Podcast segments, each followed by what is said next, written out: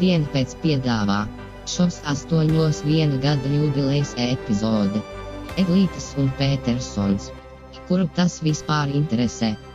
Ha ha ha, nevienu. Ha ha ha, ha. Pelmeņa, ko viņi tur vispār. Hi, I'm Guy Kawasaki. I am the host of the Remarkable People podcast. The purpose of my podcast is to help you become remarkable too. So the inspiration is people like Jane Goodall, Margaret Atwood, Steve Wozniak, Bob Cialdini, David Ocker, Mark Benioff. If you want to be remarkable, trust me, this is the podcast to listen to. Kas tas vispār ir? Kas tas pasviestu? Atlaist saimēlu. Man ir stipra imunitāte. Esmu vegāns. Man garšo skudras. Es esmu normāls. Es jau nu kaut ko tādu neskatos.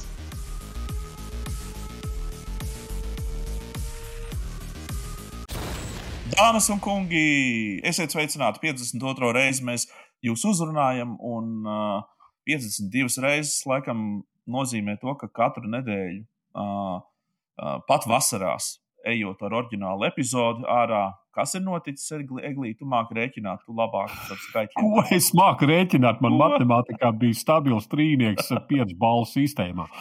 Uh, uh, tas nozīmē, ka gads ir pagājis. Tas nozīmē, ka mēs apaļu gadu esam uh, non-stopā bijuši ēterā katru piekdienas vakaru. Es mēdzu dzīvot zaļi, tā kā te nu mēs esam Jā. un daudz laimes jubilejā, daudz laimes pirmā paldies. gada jubilejā. Jā. Paldies, un tev arī pirmā gada jubileja, lai skaisti. Oh, paldies. Un tev arī 18 plus jubilejā, un dienai pēc trīs gadu jubilejā. Pēc, mums ir sakot, pilns ar jubilejām. Pilns ar jubilejām. Svētki.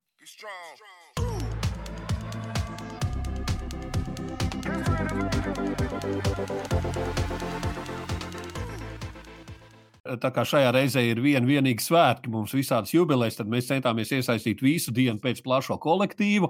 Un uh, ik pa brīdim uh, gan viņi paši stādīsies priekšā tiem, kur ir aizmirsuši, kas tas ir. Gan kādu varbūt pat labu vārdu novēlēs sev un tev un man un, un, visiem pārējiem. tā kā, tā kā, tā kā vēlreiz sveicam dienu pēc plašo kolektīvu trīs gadu jubilejā, šovu astoņos plašo kolektīvu vienu gadu jubilejā un patīkam jums skatīšanos. Jā, un novēlam jums daudz koku ērgļu.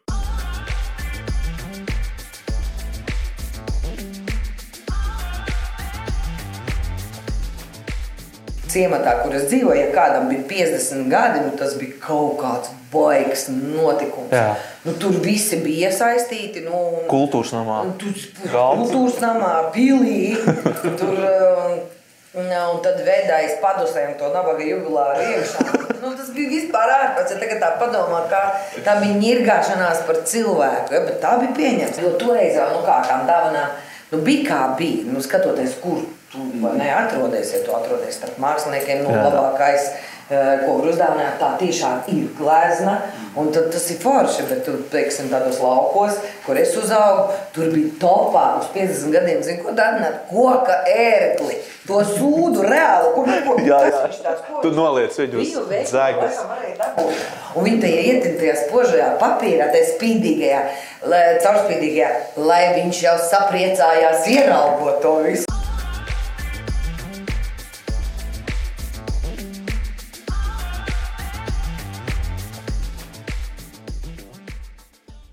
Nu, un tad, kā jau teicu, daudz koku ērgļu. Un kāpēc koku ērgļi? Tāpēc, ka neviena latviešu jubileja neiztiek bez koku ērgļiem. Neticiet, meklējiet epizodi dienu pēc epizodē ar Bābu Sīpenieci, kurai tajā gadā palika 50 gadi.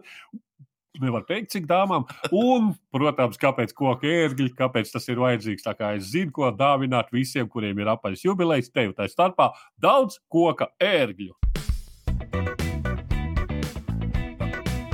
Kāpēc Gaisa Kavasaki kaut ko teica sākumā? Mēs to varētu varbūt mazliet paskaidrot. Gaisa Kavasaki ir mārketinga liela liel cilvēks, ja mēs tā skatāmies uz pasaules kartes. Viņa, viņa podkāsts Remarkable People ir arī mūsu šodienas lielā tēma. Un, un, un, jā, tā kā mēs atzīmējam uh, um, savu gadu jubileju. Mums nav nekas pretī pareklamēt arī kādu citu cilvēku podkāstu. Tā ir kā viņam vajadzētu reklāmēt. Piemēram, diena pēc, piemēram, Gaja Kavasaki, kāpēc gan ne? Visi viņi nāk pie mums, lai mēs viņus promotējam. Tā kā tas viss ir loģiski. Jā. Mēs tikai esam lieli un skaisti un vareni. Mums ir gads, gads mums ir apkārt. Kāda jau mēs esam?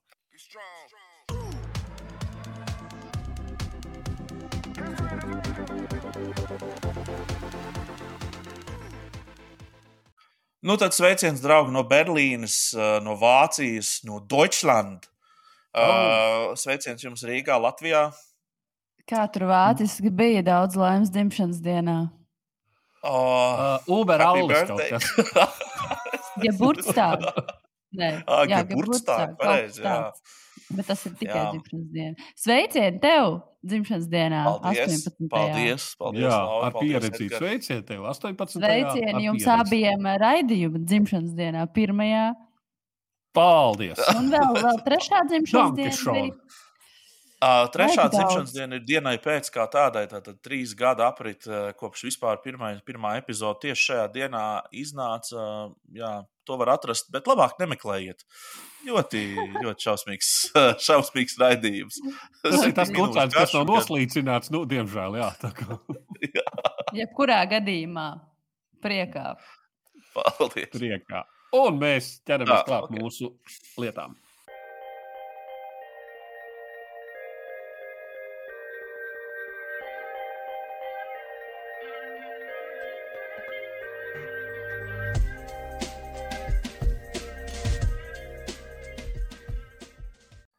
Laura, es tā parasti cilvēks nestalkoju, bet nu, tieši tevi stalkoju. Un, un, un tad, uh, tas, ko es Instagramā pamanīju, uh, ir, uh, ir tavas stāstījums par, par to, cik tu esi nogājusi soļus. Es zināju, ka tu esi liels staigātājs, bet es nezināju, ka tu esi tik liels staigātājs.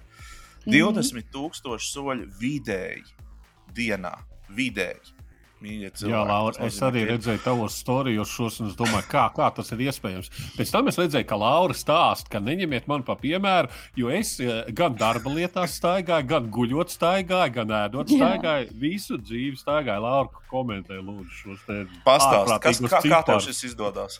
Um, jā, man sanāk, vidēji 20,000 soļu dienā, un uh, man, ja godīgi, tas vairs neliekas nekas tāds. Nu, tā kā, uh, kaut kas, kaut kāds abrīns vērts, jo man tas ir, nu, man tā vienkārši sanāk. Un, uh, es domāju, tagad, kad es pati sāku tiešām pievērst uzmanību tiem soļiem un, un staigāt vairāk, un, un laikam jau līdz bet ar to esi lietas kursā, sākumu. bet tu taču esi lietas kursā, ka ir tāda vesela kustība Uh, uh, kur, kur ir tā saucamā desmit tūkstošu soļu kustība, kur cilvēki cenšas mm -hmm. sasniegt desmit tūkstošus. Tu, tu taču esi lietas kursā par tādu. Es cilvēku. esmu, protams, un uh, ir, ir arī kustības, kur cenšas septiņus tūkstošus soļus sasniegt, jo Pasaules veselības organizācija vienā brīdī samazināja no rekomendējumiem desmit tūkstošiem septiņiem. Uh, bet nu, es izlēmu palielināt. ir gājies par viņiem. Jā, jo uh, laikam jau tiešām vairāk sāku tā staigāt tieši līdz ar pandēmijas sākumu, kad tev vienkārši vajadzēja kaut kur iziet. Nu, tu nevari mm. dzīvot kopā visu laiku ar savu ģimeni un, un tiešām nekur neiet. Un tad, kad nevar iet, tad, tad, tad es pieradu. Un tad, tad sākotnēji man bija tas kaut kur jā, tas dzirdētais par tiem desmit tūkstošiem. Un tad es gāju katru dienu vienkārši pastaigā ārā. O, bet tagad, kad ir tāda normālā, parastā ikdiena, kad skolas un bērnu dārzi strādā, uz oficiālu var nākt, tad vienkārši es eju ar kājām. Bet es uzreiz teikšu, -hmm. man nav auto. Un mm -hmm. es nedaudz arī baidos no šī fakta, ja man būtu, jo es zinu, ka tas ir ērti. Protams, bet pilsētā dzīvojot, uh, nu, Rīga nav tik liela ka šausmīgi to mašīnu man vajadzētu. Uh, nu, protams, atkarīgs no tās darba specifikas, un uh, man nav katru dienu, nezinu, 20 kg jāvazā līdzi ar kaut ko. Un, uh, bērnu dārza skola ir uh, ar tra tramvaju ērti sasniedzams. Uh, Bērni, bērniem es nelieku iet 20,000 soļus ar sevi kopā katru dienu. Bet, kaut kā tā ir iekārtojies. Vismaz šajā brīdī tā ir sanācis. Jā, un tas ir saku, apsveicami. Un, jā, uh, nē, nē, es, es jā. tikai tas nu, paturpinu, paturpinu droši. Jā, nē, nu es, uh, ko es gribēju teikt, jā, ka ne visiem ir tāda ikdiena kā man. Tagad nu, padalieties, tad kā jums ar tiem soļiem iet, un vai jūs, vai jūs gribētu uzlabot to skaitu vispār, kāds jums ir tagad? Jā, es domāju, ka tagad mēs varam atklāt uh, visai, visai Latvijai mm, savu, kā saka, pieredzi. Uh, Edgars Stūlīt, uh, kā saka, mm, parādīs to uz ekrāna. Tā tad, nu, lūk, tā tad mēs esam apmēram kaut kur šeit. Tā tad Eglīts gan ir, ah, nu jā, pareizi, ļoti labi. Tātad eglīts kā eglītis. Nu, mēs esam, kā saka, pēdējās dienās mazliet vairāk staigājuši, jo man liekas, ka šķiet, ka mēs uzzinājām, ka mums būs šis. Nē, zini, kā es varu pakomentēt sev. Uh, uh, es kopš uh, man iestājās tāda gadžeta, kur, kur, kurus uzliek uz rokas, un viņi tev visu dienu skaita, un tev brēc virsū, ja tu nepareizi kaut ko dari, vai tu pātri, vai tu palēni dari. Tad, tad, tad, tad uh, es izmantoju to aplikāciju. Tur rāda arī kopējos tos kilometru skaitus. Un, un kā jau teicu, pirms tam uh, man tas, tas uh, man šī tā te sportošana pēdiņās jā, ir atkarīga no laika apstākļiem. Tā kā trīs dienas, četras dienas kuldīgā bija vienkārši tā, ka zeme ar debesīm jaucās kopā. Nu, tur ārā tur galīgi negribējās iet. Tā kā jā, pēc visas spriežot laika apstākļi ir uzlabojušies kuldīgā. Jā. Laura pa pakomentē uzreiz par laika apstākļiem. Tu man mm -hmm. devi labu padomu. Es domāju, ka to arī skatītājiem, klausītājiem vajag dzirdēt. Um, jā, es varu pateikt, ka man arī ir riebja ziema. Man joprojām yes. es neesmu iemīlējusi to pļurzu, to sniegu, to yes. šo, šomēnes vispār tas ledus. Visu laiku tev liekas, ka tu ejot vienkārši nokritīs kaut kur. bet, bet tā motivācija, tas pieredums ir tik liels, ka tev nu neaptur vairs tur sniegs vai vējš. Un tad kad tu izēji tajā sniegā vai vējā ārā, pēc tam ir vēl labāka sajūta, jo ir tāds tā kā dubults svaigums. Nu, tiešām, tas, tas, ir, tas ir kā pēc sporta treniņa. Uh, un tu esi bijis svaigā gaisā, un tāds, yes, ir tāds tiešām foršāks sajūta. Protams, ir vajadzīgs apģērbs. Nu, attiecīgs. Un, uh, es nebaidos uh, izskatīties pēc uh, pilsētas bombža. ja, ja es gribu iziet ārā savā rajonā, man ir viena alga. Es investēju pārgājienu zābakos, kas nav baigi glītiem, manuprāt. Un, bet es viņus velku ziemā regulāri, un, un, lai nenokristu uz tā ledus. Un mm. šādi cepure satinies un ej tā, lai acis tikai var redzēt. Nu, apmēram. Nē, es, Es atkal varu pakomentēt savus rādītājus. Tātad mans, skatījos vidējais gada rādītājs, uh, joprojām ir zem Pasaules veselības organizācijas rekomendētiem 7000, un tas ir uh, gandrīz, gandrīz 5000. Nu, tā, labi, 4700. Tā, tur nav gluži 5000, vajadzētu vēl. Bet, um, nu jā, š, bet, ja es tagad skatos uz pagājušās nedēļas uh, rādītāju, tad tas ir nu, kritiski zems. Bet, uh, mans darbs ir sēdošs, un es starp citu apbrīnoju Lauru to, ka, teiksim, tad, kad tu staigā, ir, uh, un, un tu gribi visu sasniegt ar kājām, ko Rīgā var izdarīt, kam es piekrītu. Uh, problēma ir laika plānošanā. Man, man liekas, ka man vajadzētu tādu laika plānotāju kaut kur. Kā, kā, kā es nezinu, man, man, man vienkārši nesanāk. Es vienkārši jūtu, ka man pa maz laika, pa maz stundu ir tajā diennaktī. Vai vismaz gaišajā dienas laikā. Nu, jā, es saprotu, ka, ka tās darba, darba specifikas ir dažādas. Un, Ne visi var atļauties tik daudz veltīt laiku vienkārši staigāšanai. Un es arī bieži vien apvienoju to ar, ar kaut kā cita darīšanu. Nu, jā, jo es tiešām gatavojos saviem podkāstiem, staigājot arī šim raidījumam. Nu, tā ka tu, tu varbūt dažreiz kaut ko lasi vai klausies un piefiksē savas domas, kas ir daļa no mana darba nu, tas man ir jāvelta laiks tam, tad es vienkārši to apvienoju ar staigāšanu. Un man arī jāsaka, ka šeit pat arī birojā, kur es esmu šobrīd, ir pat tāda vieta, ir speciāli mm, tas uh, skrejceliņš un, un datorgals.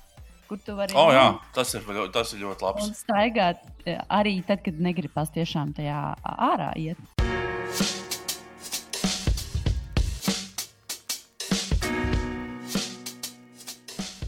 Kāds ir mūsu, kāds ir mūsu um, izaicinājums tātad?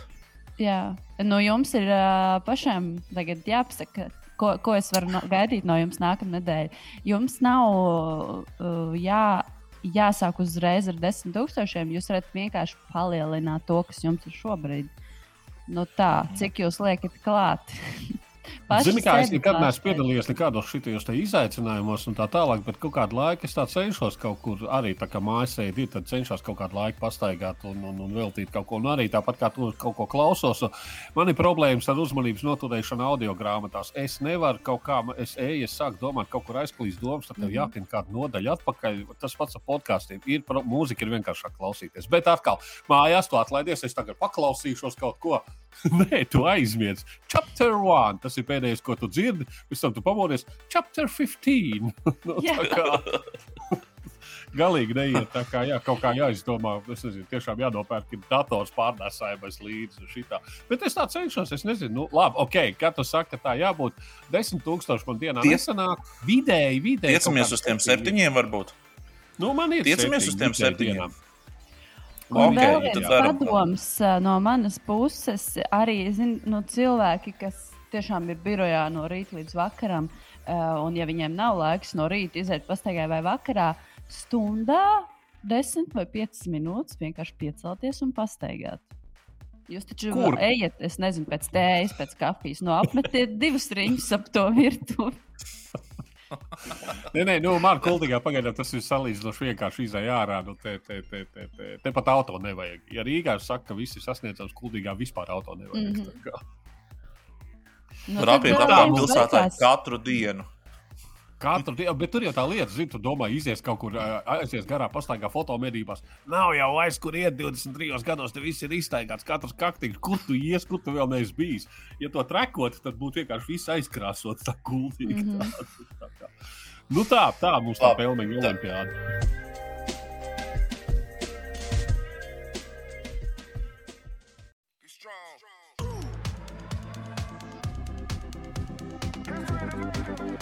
2019. gada februārī, tātad pirms trim gadiem, mēs ar Kristofru Petersonu uzsākām dienu pēc un uh, iestājāmies pret viduvēju komunikāciju Latvijā. Un ar šādu lozungu paziņojām visiem, ka mēs taisām raidījumu par komunikāciju. Uh, gan lietišķo komunikāciju, gan šovu biznesa komunikāciju, gan arī sadzīviskā līmenī, ģimenē un tā tālāk. Un uh, diena pēc ir izaugusi un autoru kolektīvs ir audzis, bet joprojām es vadu um, raidījumus, kurus intervēju cilvēkus un prasu viņu atziņas, viņu pieredzi, viņu pieredzi viltības un tehnikas, kuras viņi izmanto saistībā ar savu ikdienas komunikāciju. Un es aicinu skatīties šīs epizodes, jo patiesībā mēs varam viens no otra ļoti daudz ko gūt. Ja es skatos epizodi, kurā kāds, nu, piemēram, skatuves cilvēks stāsta, kā viņš mazina stresu pirms kāpšanas uz skatuves, man šī viņa pieeja varētu palīdzēt brīdī, kad es esmu satraucies pirms ikdienas sapulces darbā, kurā man jāprezentē, piemēram, kāds uh, projekts, kas līdz galam nav pabeigts, un priekšnieks varētu būt dusmīgs. Ja? Kā es tiek galā ar savām emocijām. Tā kā tā mana vēsts ir tāda, skatieties dienu pēc komunikācijas epizodes, kuras vadu es, uh, jo no tām var gūt, no tām var kopēt sev noderīgas lietas savas komunikācijas uzlabošanai.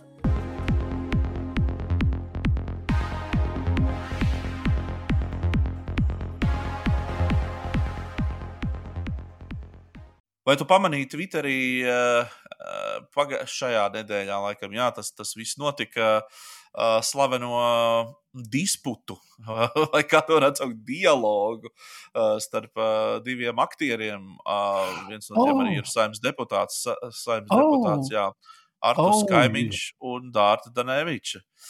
Uh, Mums ir Kīvičs pāris divi. Jā, daba necieš tukšumu. Daba necieš tukšumu. Nē, ka kāds aizbrauc uz Norvēģiju, tad kādam jāieņem viet, viņu vieta. Protams. Uh, bet lieta, lieta ir tāda, ka nu, tādā, es droši vien nepārstāstīšu visu to stāstu, jo nu, divi cilvēki ir, ir pašķīrušies, kā saka, un, un tā. Bet, Uh, nu, jā, protams, kā jau tādā labā latviešu manierē, jeb, jeb tāda pēc tāda meksikāņu seriāla uh, labākajām tradīcijām, tas viss tiek vētīts un veļa tiek mazgāta publiski sociālajos tīklos. Um, mans tāds secinājums ātrais par šo visu ir, protams, es piekrītu Nīlam Konstantīnovam, kurš saka, ka um, varbūt ka tā sabiedrība varētu mēģināt tagad pacelties pati mazliet augstāk. Uh, un neapspriest tieši šos divus cilvēkus, bet runāt par lietām, kas ir aiz tā, un mācīties no varbūt citu kļūdām, neveiksmēm. Un pašiem neiekļūt tādās ziepēs. Un, un tā. Protams, par ko es runāju? Es runāju par visu, sākot no bērnu audzināšanas, nu, tātad kādi tiek bērni tiek izaudzināti, kas vēlāk būs pieauguši ja, ar savām traumām un problēmām. Uh, un beidzot ar to, nu, kur tad griezties tādos krīzes brīžos, ja, kur tad ir šie krīzes centri, kam zvanīt, ja tu jūti nu, emocionālu un psiholoģisku vardarbību no sava partnera. Un tā tālāk. Tā kā, es domāju, šīs lietas būtu nepieciešams katru reizi aktualizēt tajos mirkļos, kad parādās līdzīgi, līdzīgi stāsti kā ar Artu Skaimiju un Dārtu Neviču. Jā, nu, par to mēs vēl mazliet Twitterizācijā pieskarsimies maz garām lidojošu tādu mirklī. Bet, uh, jā, kāpēc, kāpēc, kāpēc netīrā vēl jāmazgā publiski? Pareizi tu pateici, latviešu tradicionāli meksikāņu seriālu stilā. Tradicionālais latviešu meksikāņu seriāls. Nu, un mūsu politikori super, uber, puper politkorektajā laikmetā izrādās, ka Latvijā mierīgi varam lietot N vārdu nēģeris bez jebkādām problēmām, gluži kā 90. gados. Viņš ir brūnā krāsā un runā citā valodā. Jautā Līga Spūre no Vaņodas. Kas tas ir? Brūnā krāsā. Jā, bet citā valodā. Nu, nēģeris varētu būt. Pareizi, nēģeris, protams kas ir noticis? Vārds nēģeris, krievs, aziāts un tā tālāk ir atzīts tikpat uh, neitrāls uh, vārds, ko, ko, ko var lietot uh, komunikācijā. To Latvijas, tas, tas, Latvijas valodnieki ir atzinuši, ka to var tāpat kā lietot kā latgalietis, vai vēnspilnieks, vai rīdzinieks, vai kuldīdznieks. Nu, vārds sakot, nēģeris mūsdienu šitajā laikmetā uh, nav nekas slikts. Mēs varam mierīgi to lietot bez problēmām. Eh, es uzreiz varbūt tieši, tieši un konkrēti teikšu, ka man liekas, ka valodas šīs komisijas vai kas tie ir par cilvēkiem, kas to izdomāja, ir pilnīgi cietpauri un, un idioti. Eh, es būšu ļoti tieši un, un, un, un nebaidīšos eh, šos cilvēkus publiski nu, tā arī nodēvēt. Tieši tā, cietpauri un muļķi. Jo, jo nu, ko, es, ko es varu pateikt? Tur, tur īstenībā nav ko pateikt. Tur, ir, tur, nav, tur, ir, nu, pateikt, nu, tur nav ko pateikt. Nu, vienkārši, ja, ja, ja tu esi tāds, eh, kurš eh, teiksim, dzīvo savā eh, Rīgā, savā Latvijā vai savā salas pilī, vai kur, kur, nu, kur tu dzīvo, ja, savā mikrorajonā un savā nu, teiksim, mājā, tu savā mūžā arī nevienu melnādainu cilvēku varbūt arī neesi redzējis, kā tikai grāmatās un repa video. Ja, tad, MTV. Tad ar tādu pasaules priekšstatu, protams, ka es, es, es, es iedomājos, ka to var tā darīt. Jā, nu, var saukt melnādaini cilvēki, nu, kā saka. jā, bet uh, tie, kas ir izglītoti cilvēki, kas ir mazliet kaut kur uh, ārzemēm pabraukuši, kaut kādus mazliet vairāk lasa nekā, kā saka, vietējo uh, reģionālo laikrakstu, ja, tad uh, es domāju, ka viņi ļoti labi saprot, uh, ko, ko piemēram, melnādaini cilvēki ja, domā un uzskata, nu, ja, ja šis N-vārds tiek lietots. Ja, tātad, kas viņiem tas ir? Es neatstāstīšu visu šo stāstu, un, un, un tā. Nē, nevajag to visu sameklēt tīklos, jā, protams. Līdz visam šim, teiksim tā, troksnis ir milzīgs par šito es domāju, ka nevienam jau arī nav paslīdējušas garām ziņas eh, par Krievijas un Ukrainas eh, potenciālo nu, samilzušo konfliktu, kas jau nu ir tagad kārtīgi kā augonis uzaudzis. Um, visu laiku kaut kā ir apmēram tā, ka tā kā parauj viens to striķīt uz vienu pusi, tad uz otru pusi sanāk tā, ka uh, Francijas prezidents to Putinu tomēr kaut kā ir nomierinājis. Tad izrādās beigās, ka nē, Tad tie amerikāņi atsūta papildus karaspēku šeit uz šo reģionu un atkal, kā saka, uzvirmo Putina dusmas. Un, var sakot, tas šurpu turpu, un es vakar lasīju ziņu par to, ka, ka Krievija gatavojot arī propagandas video, kas būtu kā iemesls iebrukumam, iebrukumam Ukrainā, proti, tātad tiek izspēlēts scenārijs, tiek safilmēti kadri, kur uh, Ukrāņi ir ienākuši iekšā Krievijas teritorijā. Uh, un pietiekami ātrā, lai tik, netiktu pārbaudīti šie fakti un noskaidrotu patiesību, tas ir kā iegansts, lai sāktu uh, aktīvu kara darbību. Tā kā, nu jā, tas ir, manuprāt, izcili pretīgi to kaut ko tādu skatīties un klausīties, ņemot vērā to, ka tas it kā visiem ir zināms. Nu, nu, Tepat tas notiek, vai ne? Bet uh, tu mm -hmm. neko īsti izdarīt pats ar to nevari.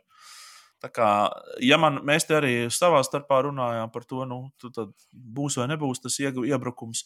Es it kā joprojām lieku uz to, ka nebūs, bet uh, nu, ja tas būs, tad tas būs ļoti ātrs, operatīvs, un tur nebūs nekādu, kā saka, tālāku konsekvenču. Bet tagad jau uz to visu skatoties, pat es nevaru īsti pateikt, būs, nebūs. Jā. Kā tev šķiet, Eģiņa? Es nezinu, kā visa pasaule zina, ka tā ir provokācijas. Visa pasaule zina, ka tie, tie, tie propagandas video ir, ir, ir, ir tikai vienīgi tam Krievijas iekšējam tirgumam domātas, lai Jā. proletariāts vienkārši noticētu kaut kādam tādam. Bet, nu, arī, nu, kas, kas tam var noticēt?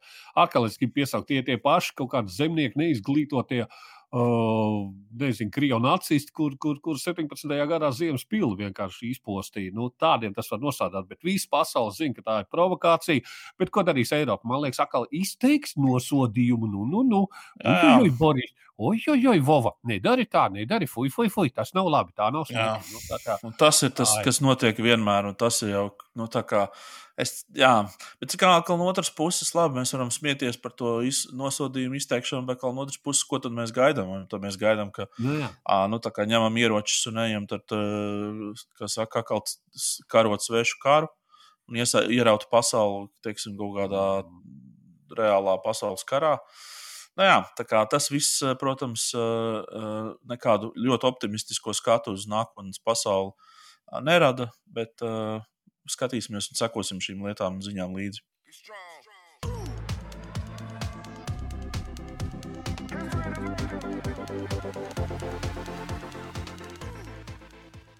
Mani sauc Aija Hermanis Abula. Esmu dienu pēc finanses autora.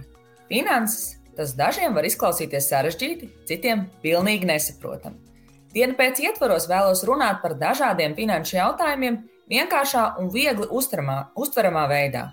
Pēc būtības man raidījumi ir par naudu, tās pārdomātu lietojumu un ieguldījumiem. Ja vēlaties sakārtot savas attiecības ar naudu un uzlabot zināšanas par naudu, skatieties un klausieties dienu pēc finanses. Mīļā diena pēc komanda! No sirds vēlos novēlēt daudz laimes dzimšanas dienā. Šajos trijos gados, manuprāt, ir paveikts brīnišķīgi daudz, un esmu pārliecināta, ka mēs kopā paveiksim vēl vismaz tikpat daudz un vēl vairāk.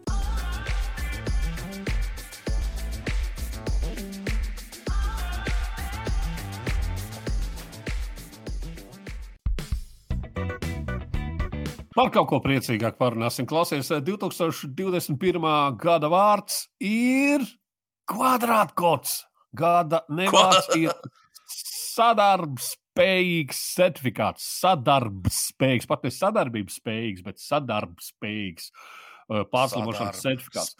Gada spārnotais teiciens arī ir tapis zināms. Tas, protams, ir mūsu prezidenta uh, paustais pēc vakcīnas saņemšanas jūt jū, kā tur bija, ļoti labi jūtos. Es neko nejūtu. Ja? Tas ir kā, arī tīts šajā topā. Kas man reāli sasmīdināja, ka, teiksim, spārnotā teicienā finālā iekļūs arī Krišņā Kāriņa draugi. Nav labi. Nu, tas bija vienkārši skaidrs. Tikko viņš to pateica, es arī biju. Es gribēju būt viens no pirmajiem, kas to paspējas notvītot, laikam jau nepaspēju. Uh, Tālāk vēl bija baigi forši, ka zemkopības ministra biroja vadītāja Jāņa Eglīša teiciens, govīšu tepselizot nav iespējams. Tas arī tagad ir kļuvis par tādu nu, jau, jau memi. Un, un, un, un, ai, un tā antivaksera parāda tai dziesmā, kas nu, tas bija Lasdāna gaita. Uh, sadursimies rokās, sadursimies. Nu, tas arī ir kaut kas tik skaists, ka to vajag klausīties pilnā skaļumā. Sadursimies, rokās, sadursimies,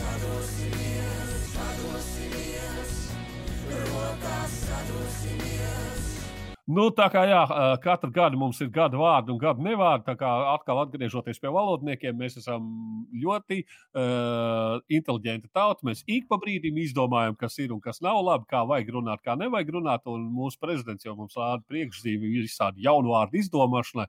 Tur valsts grib un, un, un, un ēst grib un kas tikai vēl ne. Tā, jā, jā, jā. Kvadrātkots, tā apsveic. Kvadrātkots. Nav nedēļa, kad uh, mēs nerunātu par uh, latviešu boxeri Maiju Briedi. Uh, nu, protams, ka viņš pārtrauc, atceries, reizi... Eriks, kuku, piedod, pārtrauc, atceries, Eriks Stensnieks, tad minēja par sociālo kaunu, viņš izpildās kauns visiem pārējiem. Man kaut kas tāds ir, kad es redzu briedi. tad, tad ir jāliek acīm priekšā. Ziniet, kā es vairs, ja teikšu godīgi, nesakoju tām viņa aktivitātēm vairs tik aktīvi, jo es saprotu, ka katru dienu viņš tās likmes ceļ ar vien augstākas un augstākas un uh, izpildās ar vien dūlāk un dūlāk. Jā. Uh, jāsaka, ka tas uh, Pols, tas YouTuberis, ko viņš mēģina aizķert un, un viņu uzmanību, kā saka, aizķeksēt internetā. Kaut kādā ziņā ir reaģējis, bet nu, viņš pat viņu māju brīdi nav nosaucis vārdā, bet nosaucis ir, ka tas, tas tur, tur, nu, tas tur. jā, var sakot, pietiekami skaidri ir norādījis, ka viņš pat neskatās maija brieža virzienā. Viņam nav nepieciešams šādi, kā saka, uh, nu, zemnieki. Ja? Viņam vairāk interesē tur tiešām tie, kas ir tie nav, boksa naudas maisi un elite un vispārējais. Mēs nevaram teikt, ka Mairs Briedis nav elite. Protams, ka viņš ir elites sportists un, un viss ir kārtībā, un tās jostas patiešām ir īstas un tā tālāk. Bet acīm redzot, tas prestižs tomēr eh, nav. Maira PRs vienmēr nu, nav bijis tāds ļoti spožs. Viņš tomēr ir tāds nu, no, no laukiem nācis. Uh, sētā sācis skauties, un tad izkāpies līdz ring, ringam, uh, uzvarējis lielus varenus cīnītājus. Bet tas PRs, nu, viņš boks pasaulē nav bijis. Un, mhm. acīm redzot, tas promoters tagad, kas viņam ir, tas, viņš mēģina darīt visu iespējamo, lai, lai Maiju padarītu par kaut kādu ap, ap, vismaz aprunājamu tematu boxe pasaulē. Nu, nu, jā, tik tālu nu, tas ir izdarījis. Tematu, un labākajā tajā, un tagad ir kaut kāda hip hop dziesma ierakstīta. Come on, kas tas tāds ir? Sot briedis man atgādīja to kauslīgo puišalu sētā, kas, nezinu, bāž pirks dibenā, pēc tam mutē, un tad viņš domā, ka viņš kļūs populārs, ja viņš piekaus kādu foršo džeku no, no populāro sētas puišalu vai vienalga ko, tad viņš eh, visu viņu mīlēs. Nu, nē, nav tā, nu, viņš ir tas, ko, kas steigš malā, kas mēģina sev izmisīgi pievērst uzmanību, bet neviens par viņu tā, nu, come on, nu nerunā. Nu, kā, kaut kā tā, labi. Es gaidu, kā, kā, ko mēs nākamā nedēļa varēsim sagaidīt no māja. Nu, tur būs atkal, zinām, kad liekas, ja zemāk naudu, kur vai tad tuk, tuk, atkal mājas ir klāta ar jaunu ideju, kā izpausties. Okay. Nu, klau, reti, reti, kad es atšķiru laikrakstu kurzemnieks.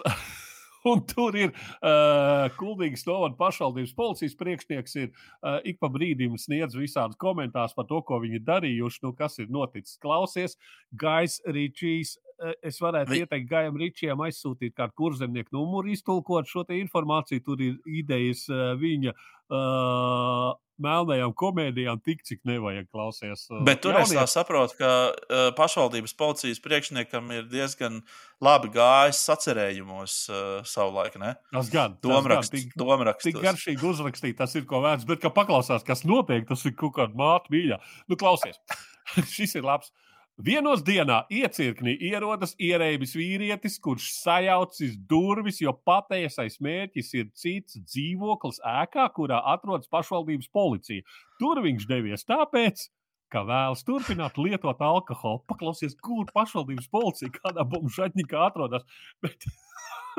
es iedomājos tādu džeku pārsteigumu. Viņš vienkārši iet, iet turpināt uh, uz mājām. At, jā, atver durvis, tad tur oh, oh, oh, policija priekšā. Nu, tas ir, tas ir reāli smieklīgi.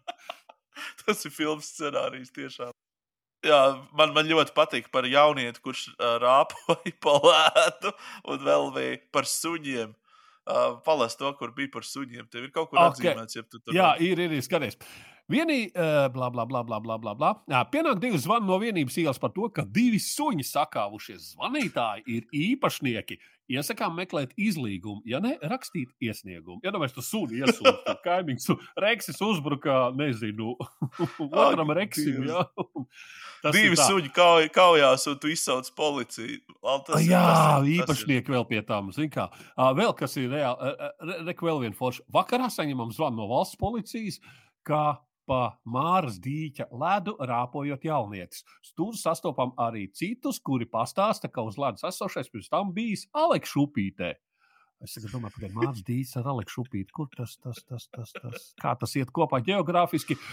Jaunietis jau izrāpies krastā, sevi identificē, bet nevar atcerēties adresi un to, kā nokļūs uz ledus. Nu, Jautri, kuldīgā iet. Zemlēnas makšķernieki vienkārši pienes ūdeni. Klausies, un šis ir tik melni, ka vienkārši es nezinu, tūlīt būs nopanos. Uh, Var sakot, izsaukums uz Alsungu. Dēls māti atradis mirušu virsmas bedrē.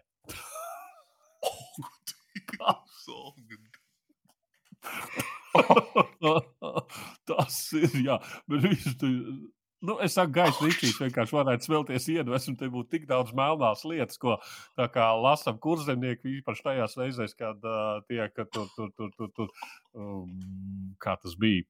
Pašvaldības policijas priekšnieks, kad raksta to, kas ir atgadījies. Tāda kriminālā kuldīga.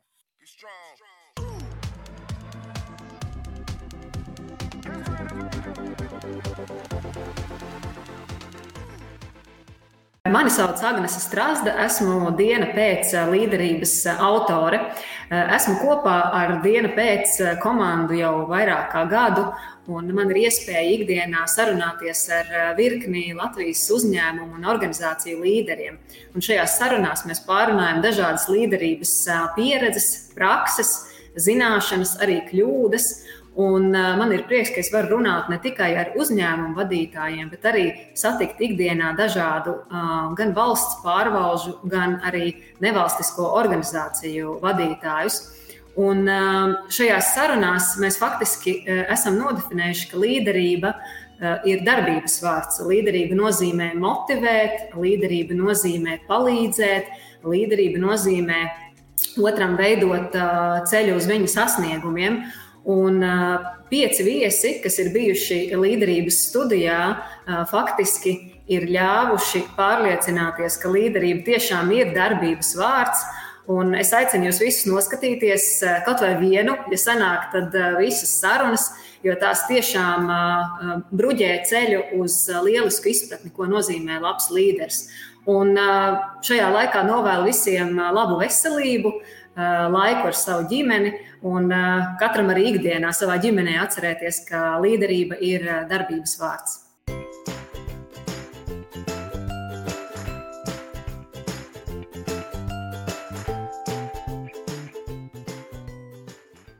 Nu, labi, tā kā es esmu Berlīnē, tad šoreiz pusdienas vai vakariņu pauze, vai kā to varētu nosaukt, uzņemšos uz sevi. Pastāstīšu jums par ļoti labu piedzīvojumu tieši vakar, 3. februārī, kad diena pēc svinēja savu jubileju. Mēs kopā ar mūsu pagājušās reizes viesu Artiņu Varjonas devāmies Berlīnē medībās uz labu restorānu. Viņš ar savu dzīves biedreni jau ir bijis tajā mm, restorānā un iestādē, līdz ar to tas viņam nebija nekāds pārsteigums. Bet es padalīšos, padalīšos nedaudz ar savu pieredzi. Tātad, kā jūs redzat, šeit uh, uh, ekrānā, nu, tas neizskatās gluži pēc restorāna, vai ne? Mm -hmm. Nepateiksiet pirmajā reizē. Tā, tad, Nē, tas... tā ir kaut kāda bomba. Bomža apsāsts sprītonis, kur tā ir vienkārši garām. Nu, pat vēl trakāk. Uh, bet, uh, nu, tu ej vienkārši uz ielas, tas ir tāds bomžu, bomžu pasākums, bet tur ir iekšā laidējs un ārā metējs. Un tad, uh, tad nu, uh, iekšā, protams, tur izskatās daudzreiz glaunāk. Tas ir tāds Michelin zvaigžņu restorāns, kur nosaukums ir 8, 9, 3 un tad ir kaut kāds Japāņu vārds. bet nu, pēc šiem cipariem to var, um, var, var um, pateikt. Tas tātad ir jūras velšu restorāns, pārsvarā dažādas jūras veltes. Kas ir pats interesantākais un labākais no šī visa, ir, ka tātad katru dienu um, viņi saņem no Japānas šīs zivis. Tātad uh, Berlīna ir pietiekami liela pilsēta, lai, lai varētu organizēt tātad, no Japānas tiešos reisus ar visiem tiem jūras labumiem. Līdz ar to tie tiek piegādāti katru dienu pilnīgi svaigi. Tur mēs redzam tunci, lāsu, tur mēnesis, viss, visa veida zīves tur ir. Uh, nu, ja teiksim, runā par to šeptēšanos, ja jūs redzat, tur diezgan daudz to cilvēku, kas īstenībā atklātā publiskā vietā tur pašā sākumā to visu arī dara. Visu var vērot, kā viņi to dara. Un te ir arī nedaudz uh, ēdienu kartes, pafilmēju, vienkārši lai varētu redzēt, tā tur ir dažādi veidi un, un, un, un tie, tie ēdieni, gan, protams, liels, plašs sushi bārs. Un, un tā, bet man visvairāk, protams, es domāju, arī visiem pārējiem rekomendēju, ja kādreiz uh, sadūšoties uz turieni, tad tur ir tiešām vērts ņemt uh, vai nu to familiju, to, to lielo ģimenes uh, piedāvājumu, vai arī, piemēram, uh, šefa rekomendētās uh, lietas. Tās tur ir tiešām garšīgas. Un tā, te, piemēram, var redzēt, uh, zupa. Tā ir zupa īstenībā. Tas nav, tā nav tēja, kā varētu šķist. Bet zupa tādās glāzītēs uh, ar kāpostiem iekšā. Uh, ļoti labs tāds buļļons um, un, un, un, un super garšīgi. Nu, tā, ka, tā ka vienkārši tādus varētu dzert un dzert. Tā uh, tad ir tāds. Jā, jā. Un tad ir tādas mazas pankūciņas uh, ar, uh, ar zivīm virsū, tā ir konkrēti tuncis un, un arī lasas un, un vēl kaut kāda. Kā, kas ir codfish? Laura zina, codfish ir kaut kā. Mēnce. Tā ir mēnce. Tā ir mēnce, jā. Nu, un tad, protams, tas, kas vēl ir tas viņu saucamais signature, ir visi kokteļi, um, gan klasiskie, gan tādi, kurus, nu, tā kā uh, ikdienā mēs, uh, tas nav sarkanvīns, tas ir arī kaut kāds uh, sīrups, Zupa. klaps sīrups. Zupa. Tā kā, jā, nu, apmēram šādi, kā saka, tur noteikti var izbaudīt. Un tā, ja mēs tā runājam par rēķinu, ah, es uzlikšu varbūt arī rēķinu. Nu, to gan nevarēs redzēt to galsumu, bet tā pēc būtības uh, tur ir um, jā, uh, jārēķinās apmēram uz kaut kādiem mm, 50 uh, līdz 70 uh, eiro uz cilvēku. Nu, tā kā jūs ejat kādu 3, 4, tur tad uh, pareizināt tā, tad to ar kaut kādu 60 eiro. Nu, es Apmēram tāds. meniju, Ok. Tā, tā meniju tur jau redzēju, tās cipari. Tas nelikās tā, tur nebija telefona numuru cenu vietā. Tā kā tas tā nu, nešķiet baigi, baigi, baigi, baigi tāds kosmos. Jā. Jā. Kā jums ar pieredzi Berlīnē un ēšanu? Ir kādreiz būts un, un, un, un ēsts, un kas, kas, kas no tā visa tīk vislabāk? Es pamēģināšu atcerēties, mēs ar tevi bijām Berlīnē, ko mēs ēdām. Es neatceros. Mēs aldzērām. Karīvurst, jā.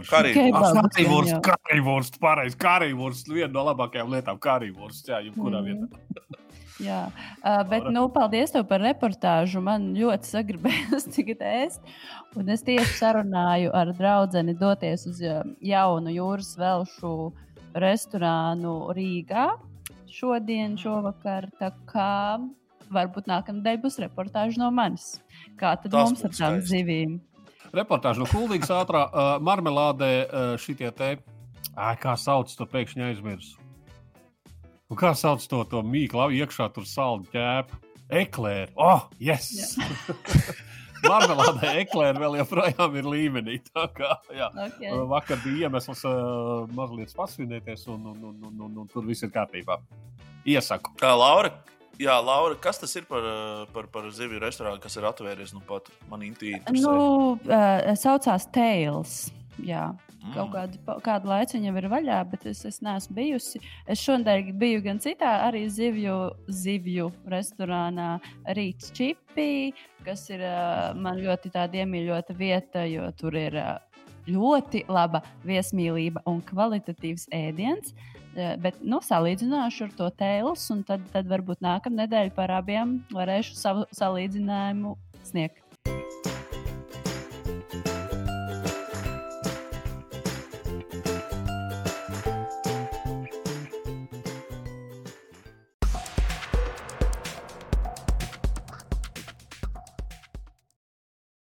Uh, šobrīd svinam Uh, bet uh, kaut kad jau atkal pienāks pirmdiena, vai ne? Edgar? Protams, un, kā bez pirmdienām. Bez pirmdienas mēs nevaram, un pirmdiena atkal būs ārā kārtējais.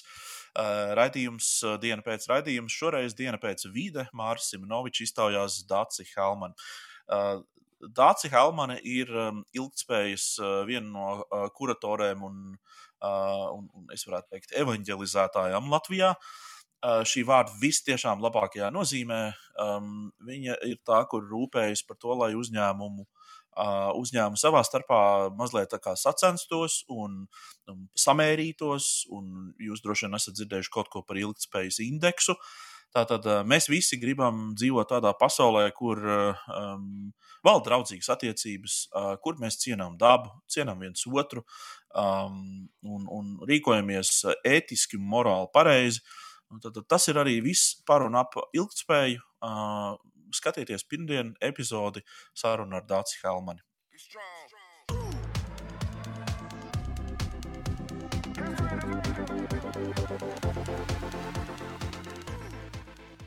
Es esmu Mārcis Simnovičs. Es pārstāvu lielāko vidas apsaimniekošanas uzņēmumu Baltijā, Eko Baltiju. Mūsu uzņēmums rūpējas par sakārtotu vidi, atkritumu savākšanu, šķirošanu un pats galvenais pārstrādi, jeb šo atkritumu atgriešanu otrreizējā lietošanā. Diena pēc es vadu raidījumu par vidi. Šajā raidījumā mēs runājam par CO2 pēdas nospiedumu, atkritumu šķirošanu, ilgspēju un pasauli, kādu mēs to atstāsim saviem bērniem. Mūsu viesu vidū ir gan liela uzņēmuma vadītāji, gan politiķi, gan banku sektoru un izglītības pārstāvji, kā arī vidas aktīvisti un vienkārši cilvēki ar veselīgu zaļo domāšanu. Klausoties šos raidījumus, tu noteikti iegūsi kādu vērtīgu padomu, ko izmantot ikdienā, lai uzlabotu vidi, kas ir tev apkārt. Sveicu visu dienu pēc komandu ar uh, trešo dzimšanas dienu, un, uh, protams, novēlu daudz skaistu uh, jēgpilnu gadu, kuros realizēt līdzīgus raidījumus un vērtīgus projektus.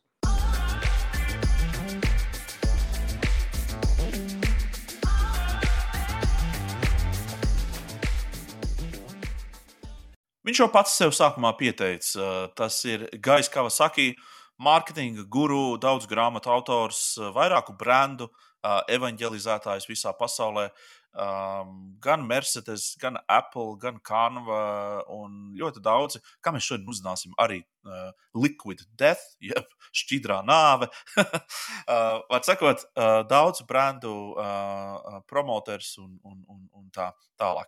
Jā, viņš ir uh, arī padomdevējs daudziem uh, uzņēmumu vadītājiem, tieši personīgi, jo viņš viņus personīgi pazīst. Uh, un tieši tāpēc ir arī tapis viņa raidieraksts, ja podkāsts um, Remarkable People. Tātad par ievērojamiem uh, dižiem cilvēkiem viņš runā savā, uh, savā raidierakstā, viņš viņus aicina uh, izteikties, atstāt savas domas. Uh, nu, man kaut kā gribētos teikt, ka diena pēc ir līdzīga filozofija, un tāpēc mums ar Gaju Kavasaki tik ļoti labi saskan.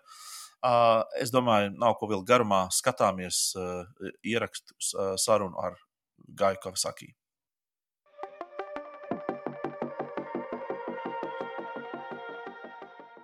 All right, ladies and gentlemen, now we are um, welcoming Guy Kawasaki for the second time in our show.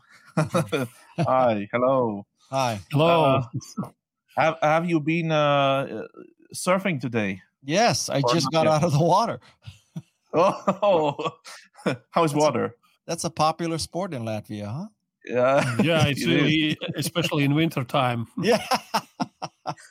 That's why God invented wetsuits. Yeah. Uh, is is your what is the water in, in near you? Is it is it is always the same temperature, or it is No. changing, or how No. how it's? It it's about between 50 and 55 degrees. So you need a wetsuit Oh. for sure. Oh, all right. It's not Hawaii. Uh, we met exactly a year ago. How has your life been until now? Well, um, so far, you know, I haven't I haven't caught COVID. No, I hope that doesn't curse me, but uh, yeah, I haven't caught COVID, and my family's all well. So, what else can you ask for? Um, Probably these days. yeah, and I, you know, I have I have only got in the last two years, I have gotten on an airplane three times. Once was a round trip to Hawaii, which makes it all worth it, and once was a one way to Seattle to pick up a customized Metris uh, van. So I've only been on three airplanes in the last two and a half years or so, which is a beautiful thing. And if oh. you if you compare three or four years ago, oh my, oh my. I, I was, you know, United Airlines Global Services. I was getting 150,000 miles on United alone. Wow. So, yeah. All right. Sounds pretty, sounds pretty boring, but uh, you sounds uh, you don't miss it. I don't yeah. miss it at all. If I never get on an airplane except to go to Hawaii, for the rest of my life, I'll be fine. Um, great, okay. great to hear. Well, yeah. Uh, well, I don't know why, but I see a lot of ads in Instagram, and it is something about the next NBA program where you are among those uh, yep. other famous uh, yep. people who are going to teach classes. Uh, what is this project? Can you just describe? Because the, the ads are very beautiful, very beautiful well, design. Um, that event didn't it already happen? I'm losing track of events. I think it already happened, though there are the archives. And I'm just a keynote speaker and I discussed, you know, a topic like innovation or social media or how to be remarkable, something like that. So I'm, a, I'm one of the contributors to the conference agenda. All right. I, I just looked up. You have a class on 20th September this year, so don't miss it. oh, I better start getting that speech ready already. Okay, let's talk about uh, Remarkable People podcast. Sure. It's one of the most listened conversation podcasts across in the ratings, at least. Uh, how did it all start? Where where it come it, from? It all started because I had finished a book called Wise Guy, and so when you finish a book, you basically do anything you can to get on podcasts or reviews or you know any publicity and so I hmm. was accepting all sorts of podcasts. And believe it or not, back then podcasts were in person. So I, I met with a couple business podcasters and I asked them, what's your model? And he said, well, we have advertising. We have advertising in the pre roll, we have advertising in the middle of the podcast, and we have advertising at the end. And I asked, so, um, you know, how much do you make? So, well, the, the first one is usually about 25,000. The middle one is 20 and the last one's 10. So I'm adding up 10 and 20 and 25 and you know i'm not a math major but you know i'm getting 50 60 grand so, so you're making 50 or 60 grand per episode yep how many episodes do you do a year? Well between 50 and 75 so i can multiply 50 grand times 50 episodes and get two and a half million. I thought oh my god why the hell am i on the road you know making speeches and writing books? I should just do a podcast. So i decided to do a podcast. And then uh, this is about two years ago. then I had to figure out, well, what kind of podcast? And I, I didn't want it to be one of those uh, podcasts where it's just guy pontificating about whatever, right? Well, for one thing, I don't have 52. Like yeah, exactly. I don't have 52 things I can pontificate about, but I have a virtual unlimited supply of connections of remarkable people. And so I decided to focus on my guests. So the goal of my podcast is to inspire people to become remarkable. And the way I do that is I bring on remarkable people who explain how they got to be remarkable, what they're doing, you know, what their life is like. And so I hope it is an inspiration to help everyone become remarkable.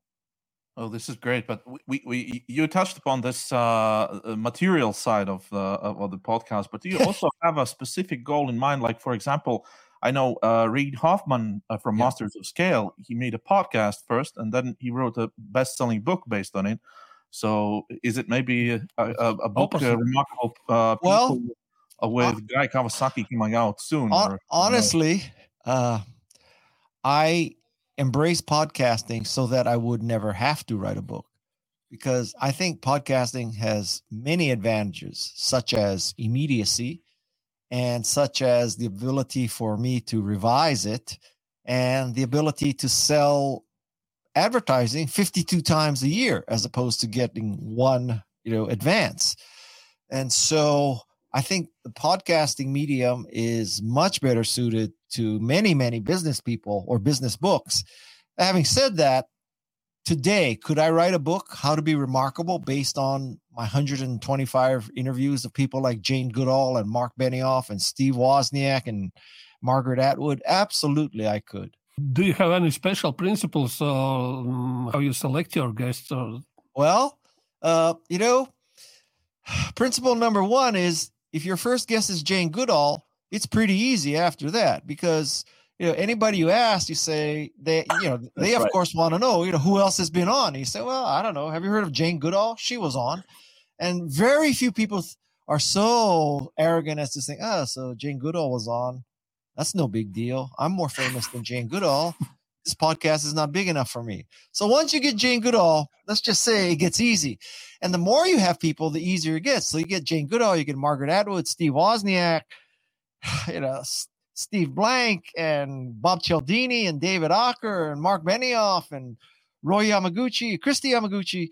After a while, uh, right now, the recordings I'm doing right now might not to be out until July. That's how much backlog I have. Wow. And so I'm almost, uh, I just, I don't want to go to twice a week because, oh, that's so much work. It so, so I, I, will give you one algorithm though.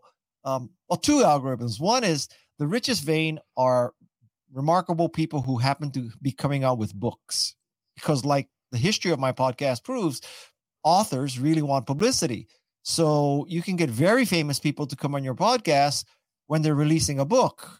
During normal times, they probably, you know, say no. So that's number one. And number two, generally speaking, if a person asks to be on my podcast, that person is not remarkable enough. and so he recommends know, I, himself. exactly. Yeah. I, I cannot tell you how many times I have gotten pitches from people, men and women, who say, you know, my name is Jane Blow, and I have a consulting company called Blow Consulting, and it's already doing close to a million dollars. So I decided, because I'm now 26 years old and I truly understand the universe, I'm going to write a book called The Blow Away. And so the blow Blowaway, which I'm self-publishing by Blow Press, will be out shortly. And I looked at your list of guests. There's Jane Goodall, Steve Wozniak, Margaret Atwood, Arianna Huffington, Martha Stewart, and I think I could add a lot to your podcast. I'm in that category. And I tell you something, man, it takes every ounce of self-control wow. to not say to them, Who the hell do you think you are? You are not even you know, you're not rounding error compared to Jane Goodall. But anyway, I don't, I don't, but that's what I want to do. Uh, well, but uh, cons- considering your your past, your professional life, uh, uh, it, it actually should. It sounds like it should be very easy because uh, also Mark Benioff, uh, he was the intern, right? You, yeah. you employed him as, I, intern, and believe now it. Believe it or not, I gave Mark Benioff his first job. He was a freshman at USC. Yeah. So yeah, that's crazy. And yeah, so yeah. In, that sense, I, I think that it shouldn't be very hard for Guy Kawasaki to invite people. So uh, well, I mean, I, I wouldn't say it's very hard. And if you look at, I, I honestly, if you looked at my guest list, I think my guest list may be the finest list in all of podcasting. Seriously. And now, you know, I don't have you know right wing anti vax nutcases on my podcast. Okay, just FYI. But I have Leana Wen, I have Vivek Murthy, who's now the Surgeon General of the United States.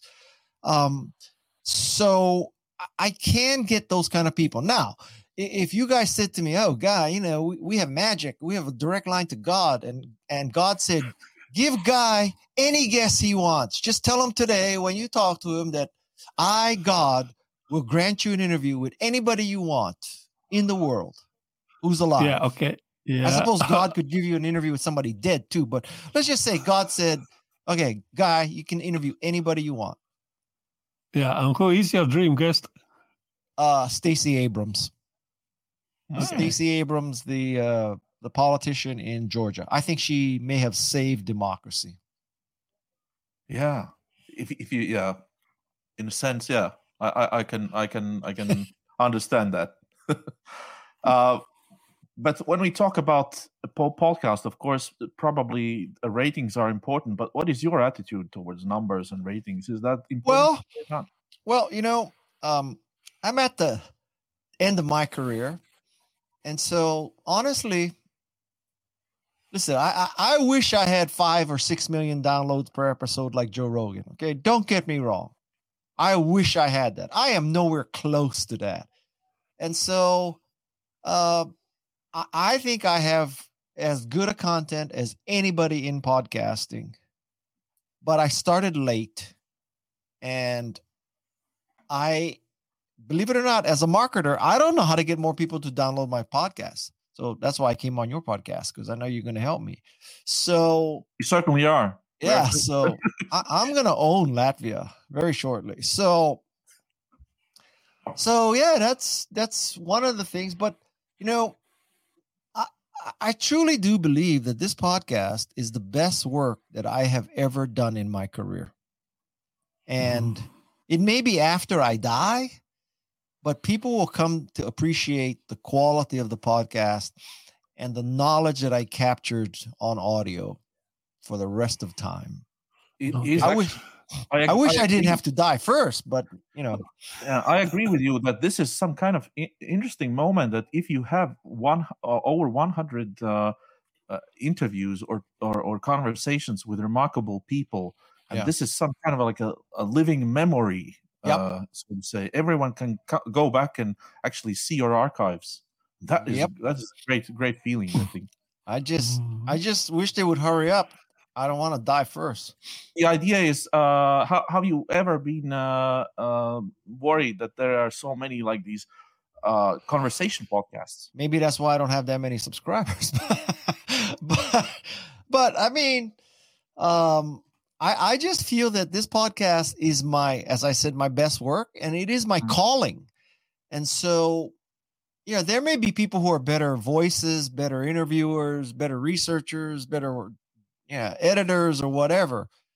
But man, I have great guests. I don't. I mean, you tell me a podcast with better guests than mine. I mean, maybe there are some on NPR, but I put my podcast up against anything on NPR.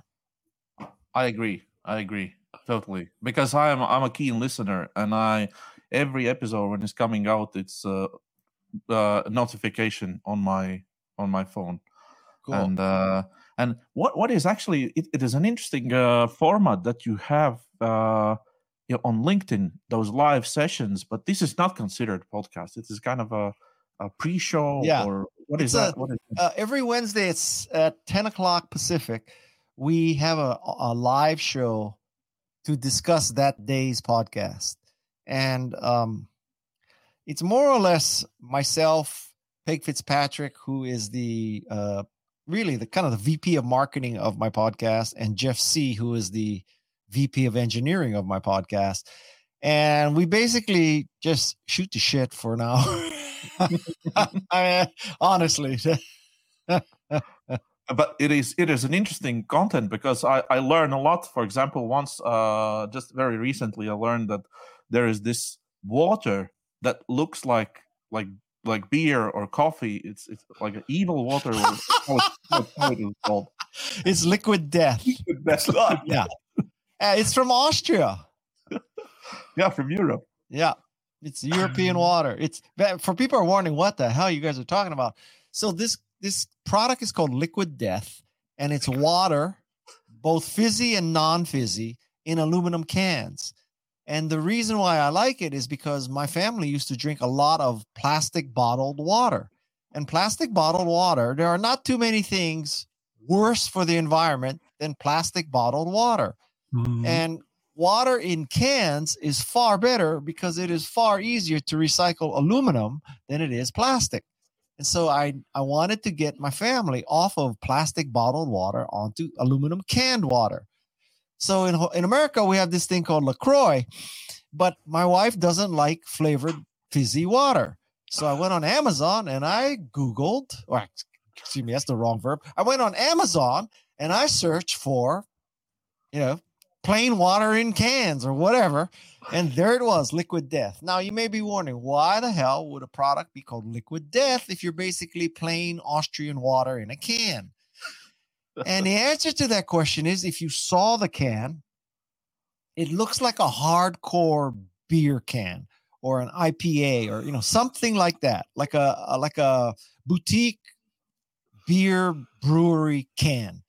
And so I think one of the most popular use cases for liquid death is that you're at a party and you you're not a drinker or you, you don't want your kids to be drinkers but you don't want the social pressure to be you know you, you know how come he doesn't have a beer in his hand he's antisocial he's a wimp you know whatever. So you you hold a can of liquid death and the black one black version which is a fizzy one in particular really looks like a hardcore can of you know 20 proof beer. And so i think that's the use case. So that's good marketing if you ask me. Wow it is great. Yeah, yeah. Great. well um the last question is uh, something yeah. about uh, uh, uh, as we are coming from Latvia and and and, and broadcasting from Riga. Uh, you have never been here, but uh, do you have any associations what this place might look like and and and compared to something? What None whatsoever. None whatsoever. None. What it sounds like Riga. sounds like sounds like a disco. Yeah. Oh, wow. wow. Not bad. Let's grab so, our. What What is Riga death. like? What is there any other city that I have been in that you can compare it to? Yeah, Prague probably. Prague in. I've been uh, to Prague. Or, yeah, Prague is near. Uh, How about Berlin? Berlin is mm, it's more. No. Hip, uh, it, it is Berlin is it's a bit different, yes, but uh, uh, uh, uh something between Some, Scandinavia. Some and vibe is same, yeah, but yeah, Scandinavia and Prague. Oslo. Oslo. Mm, oh, very close. Oslo yeah. is very specific uh, yeah. because of nature and uh, everything, but uh, maybe rather Stockholm. Uh, ah. Or, or mm-hmm. Stockholm is something more. And, and, what's the you know favorite food of Latvia? all sorts of meat. Big Mac. no, no, no, no. But it, it is uh, of course there are some traditional things, but uh, I I don't even try to explain it because it is so... yeah we, we never try to explain it because everyone could see latvian traditional foods wondering what the hell is this like, it's some like kind what? of i mean what? like, you know, like what? I mean pickled pickled you uh, know, like pig balls or whatever? Like like beans but like uh like but but round uh with with uh peas. like like yeah peas yeah something peas. something like that. So it's it's kind of uh uh all sorts of potatoes in all the different forms. And, and no and, wonder and I haven't been to Latvia. Very Nordic, yeah. you know, very Nordic.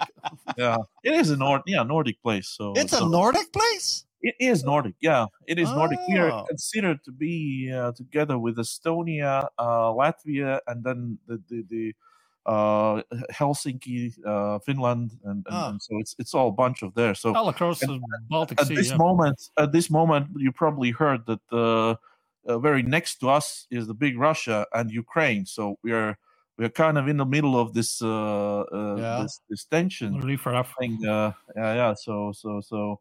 So you you, you learning Russian right now?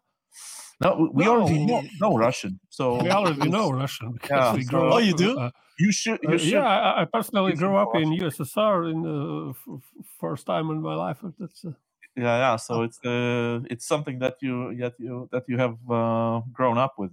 All right all the best to you. All right have all the best for you. Okay thank bye. you. Thanks bye.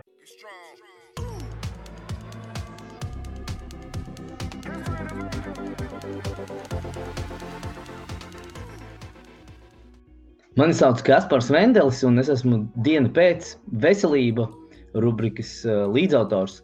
Un uh, kādu laiku atpakaļ uh, es diezgan daudz, kaut kur plaši minēju un stāstīju par to, ka es gribētu dzīvot līdz 120 gadiem. Bet tad, tas jautājums ir droši vien nevis, uh, kas tad ir tie 120 gadi, bet kas viss ir jādara, lai vispār tas principā būtu iespējams. Nu, tad šajā trīs gadu jubilejā es labprāt gribētu novēlēt dienu pēc komandai visiem kopā un galvenokārt jau pašam raidījumam dzīvot tos 120 gadus, bet pats galvenais ir, ko darīt, lai tas būtu iespējams.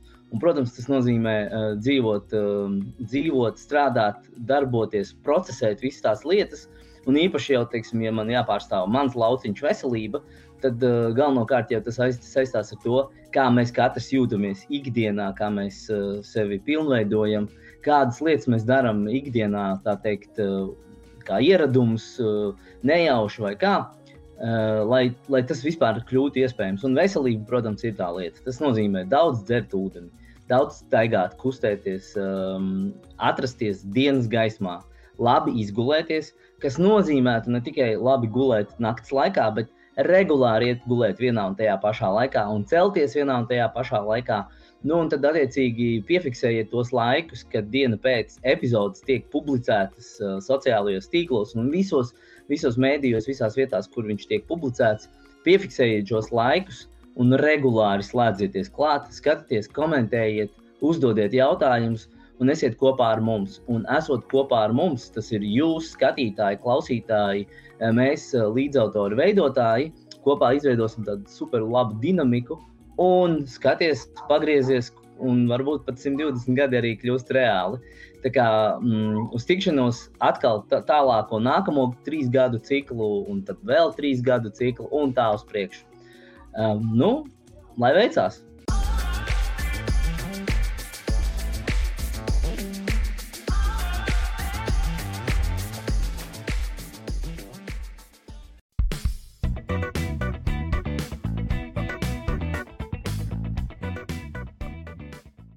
Dienasčais Twitter ir klāts, protams, par visām aktuālajām tēmām, krustām, šķērsām. Sāksim ar laika apstākļiem. Putenis ir no vārda pūst, vaicā mežmals īņķis. Putenis, ja sniegs, sniegs un pūš, ir sniegputenis. Ja līst lietus un pūš, tad ir kas? Un atbild Jānis Taurēns, tad ir latviešu filma. Man ļoti patīk. Laika apstākļi, kā, kāds laiks? Latviešu filma. Jānis Mērāns. Vienmēr, kad dzirdu kādu apspriežam N-vārdu izmantošanu Latvijā, aicinu viņu aizbraukt uz ādažiem, atrast kādu tumšādainu sabiedroto karavīru, ASV spēcības un jūras kājnieku dara vislabāk, un pamēģināt viņam to pateikt. Tālāk, Normons Bišmanis. Kad kāds mūs nosauc par bijušā padomju republiku, visi jūtas aizskarts, visas jūtas ir aizskartas. Kontekstam vēsturē ārpus Latvijas karalistes ir nozīme. Atcaucoties uz jau iepriekš minēto N vārda legalizēšanu Latvijā. Ja? Filips Laskovskis, tie tehniski valodas centra secinājumos ir uzlabojumi. Šāda atbilde no valsts valodas centra eksperta saņēma pirms astoņiem gadiem, un citāts. Attiecībā uz melnādainu cilvēku politkorektu nosaukumu var ieteikt senāk lietoto apzīmējumu mūžu humoris. Cerams, ka nēģeriem pret to nebūs iebildumu. Valsts valodas centrs rullē. Klausos, Olimps piebilst, tad jau pēpīgi gadzeķi būs atkal riktīgi modē. Tur būs grāmatas pilna ar nēģeriem. Sarkastika dēļ uh, jautā, kāpēc nevar lietot piparkūku cilvēciņu? Uz ko Anils Konstantīnos tā rezumē, ka šodien viss būs un valsts valodas inspekcija, lai izvēlās čiki puki vai puki čiki. Anarhija Latvijā. Kad latviešu tauta beidzot sagaidīs valsts valodas centra atzinumu, ka māka ir neitrāls vārds, jo tas ir atrodams Bībelē. Tālāk. Aris Kolmans to visu kaut kādā mēģina rezumēt. Politkorektums mūs visus dzēn pakaļā. Savukārt Krista runā par pavisam citām lietām. Šis ir ārā visām tām mātēm, kuras bērnu laukumā atļaujas komentēt par mana bērna attīstību un veselību, kuras izmanto iespēju palielīties ar saviem bērniem un uz mana bērna rēķina, un kuras nosoda citas mātes, nemaz nezinot situāciju. Ejiet! Tālāk. uh, Edgars Eglītis. Ja tajā dārts un kaimiņu publiskajā veļas mazgāšanā vārdu dēls aizstāja ar kasešu magnetofonu, tad tā saraksta šķiet jēdzīgāka. Uz ko viņam piezīmē kritiķis. Viņš saka, man ar tas likās jocīgi, kā bērnam pat gads nav, bet viņi to nabaga cilvēki jau uz līguma pamata sadalījuši kā tādu video magnetofonu. Aizu tālāk, skinny niks. Ja tu izdzēsi Rīgas melno balzāmu, Vana Tallinu un Litvānijānu vodku, tad no rīta no tevis iznāks ārā Baltijas ceļš. Ilona. Atceros, kā bezdarbniekos man NVA aģente pierakstīja mani uz motivācijas semināru. Tur bija jāuzraksta par savu perfekto dienu. Tad katram jānolasa pēc tam. Čīks dusmojās, ka neviens savā perfektajā dienā nav iekļāvis darbu un teica, ka tieši tāpēc arī esam tur, kur esam. Perfektajā dienā. Kāds darbs! Tā kā jā, tā, tā ne tikai valsts valodas centrs, arī nodarbinātības valsts aģentūra arī ir zināmā mērā tāda dīvaina iestāde. Un viss noslēdz Jānis Azē. Viņš saka, pilni plaukti grāmatām, bet es lasu Twitter. Steidzami jāpārskata prioritātes.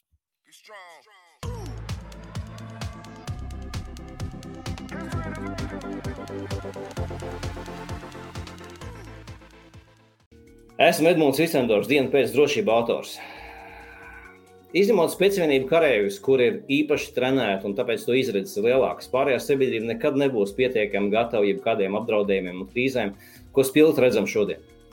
Uzklausot dažādas apdraudējumus, piedzīvojušas un pārdzīvojušas zināmas līdzcilvēku pieredzes un ieteikumus, mums ir iespēja aizdomāties par drošību plašākā nozīmē un būt zinošākiem jau šodien. Tas grūtā brīdī jau ir palīdzējis, un arī turpmāk var palīdzēt ikvienam.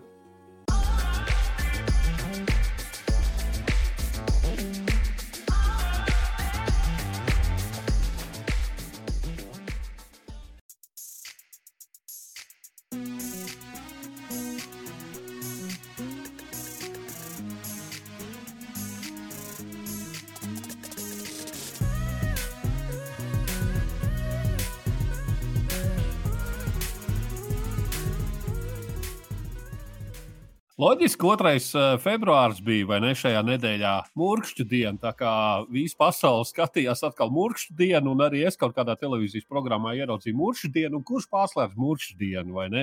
Uh, klasiska filma, protams, klasiskas blēņas. Uh, man patīk tās sazvērstības teorijas. Jūs zināt, cik ilgi viņam tā mūrkšķu diena vilkās ar Bilam Murējam? Un, un, un... Ir nē, nē, nav, nav ideja. Nav ideja. Uh, pēc scenārija laikam bija domāts, ka tā kā desmit gadi. Uh, Tad vēl kaut kādi gudrinieki bija izskaidrojuši pēc vis tā, kas tur notika tajā filmā, un kā viņam vajadzēja iemācīties tās klavieres spēlēt. Vispār tur bija 34 gadi, bet kaut kādas teorijas vēl ir, ka tas vilkās 10 tūkstoši gadu. 10 tūkstoši gadu abi divi piedzīvoja vienu un to pašu dienu. Murkšdienu. Vēl viens klasisks blēņas, es noskatījos, absolūti beginners. Tas bija tāds uh, mūzikls, ko es zinu, eksistē visu laiku, bet nekad, nu, tā kā nekad nebija redzējis. Un kāpēc tāds strūns bija jāskatās?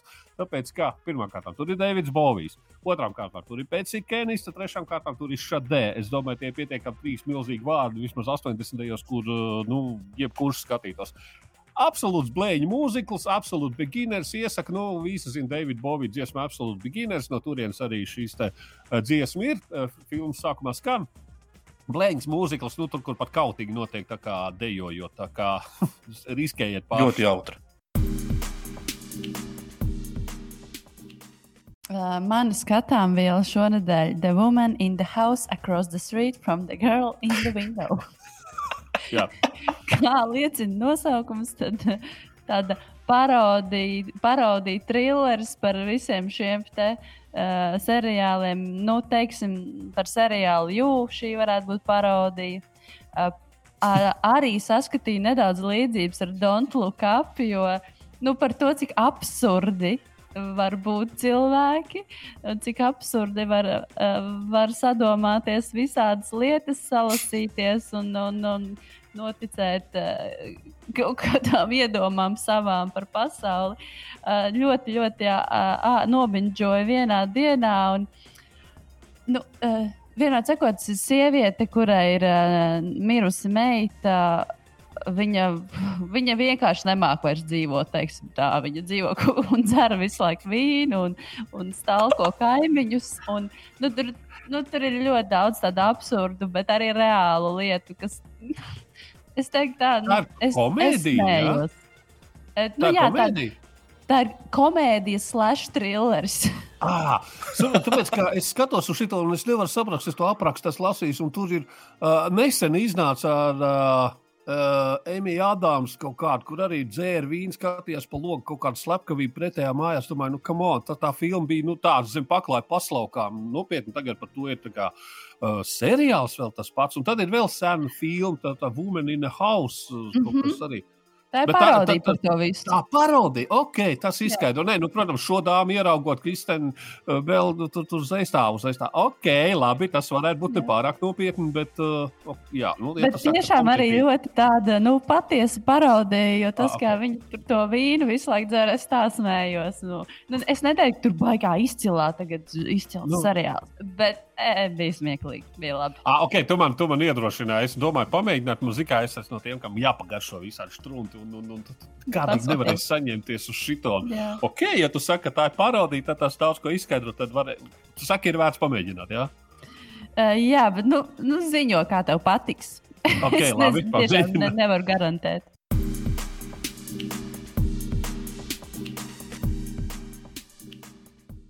Savā uznācienā es uh, vēlos jā, jums prezentēt uh, Puppet Master, arī Netflix seriāls.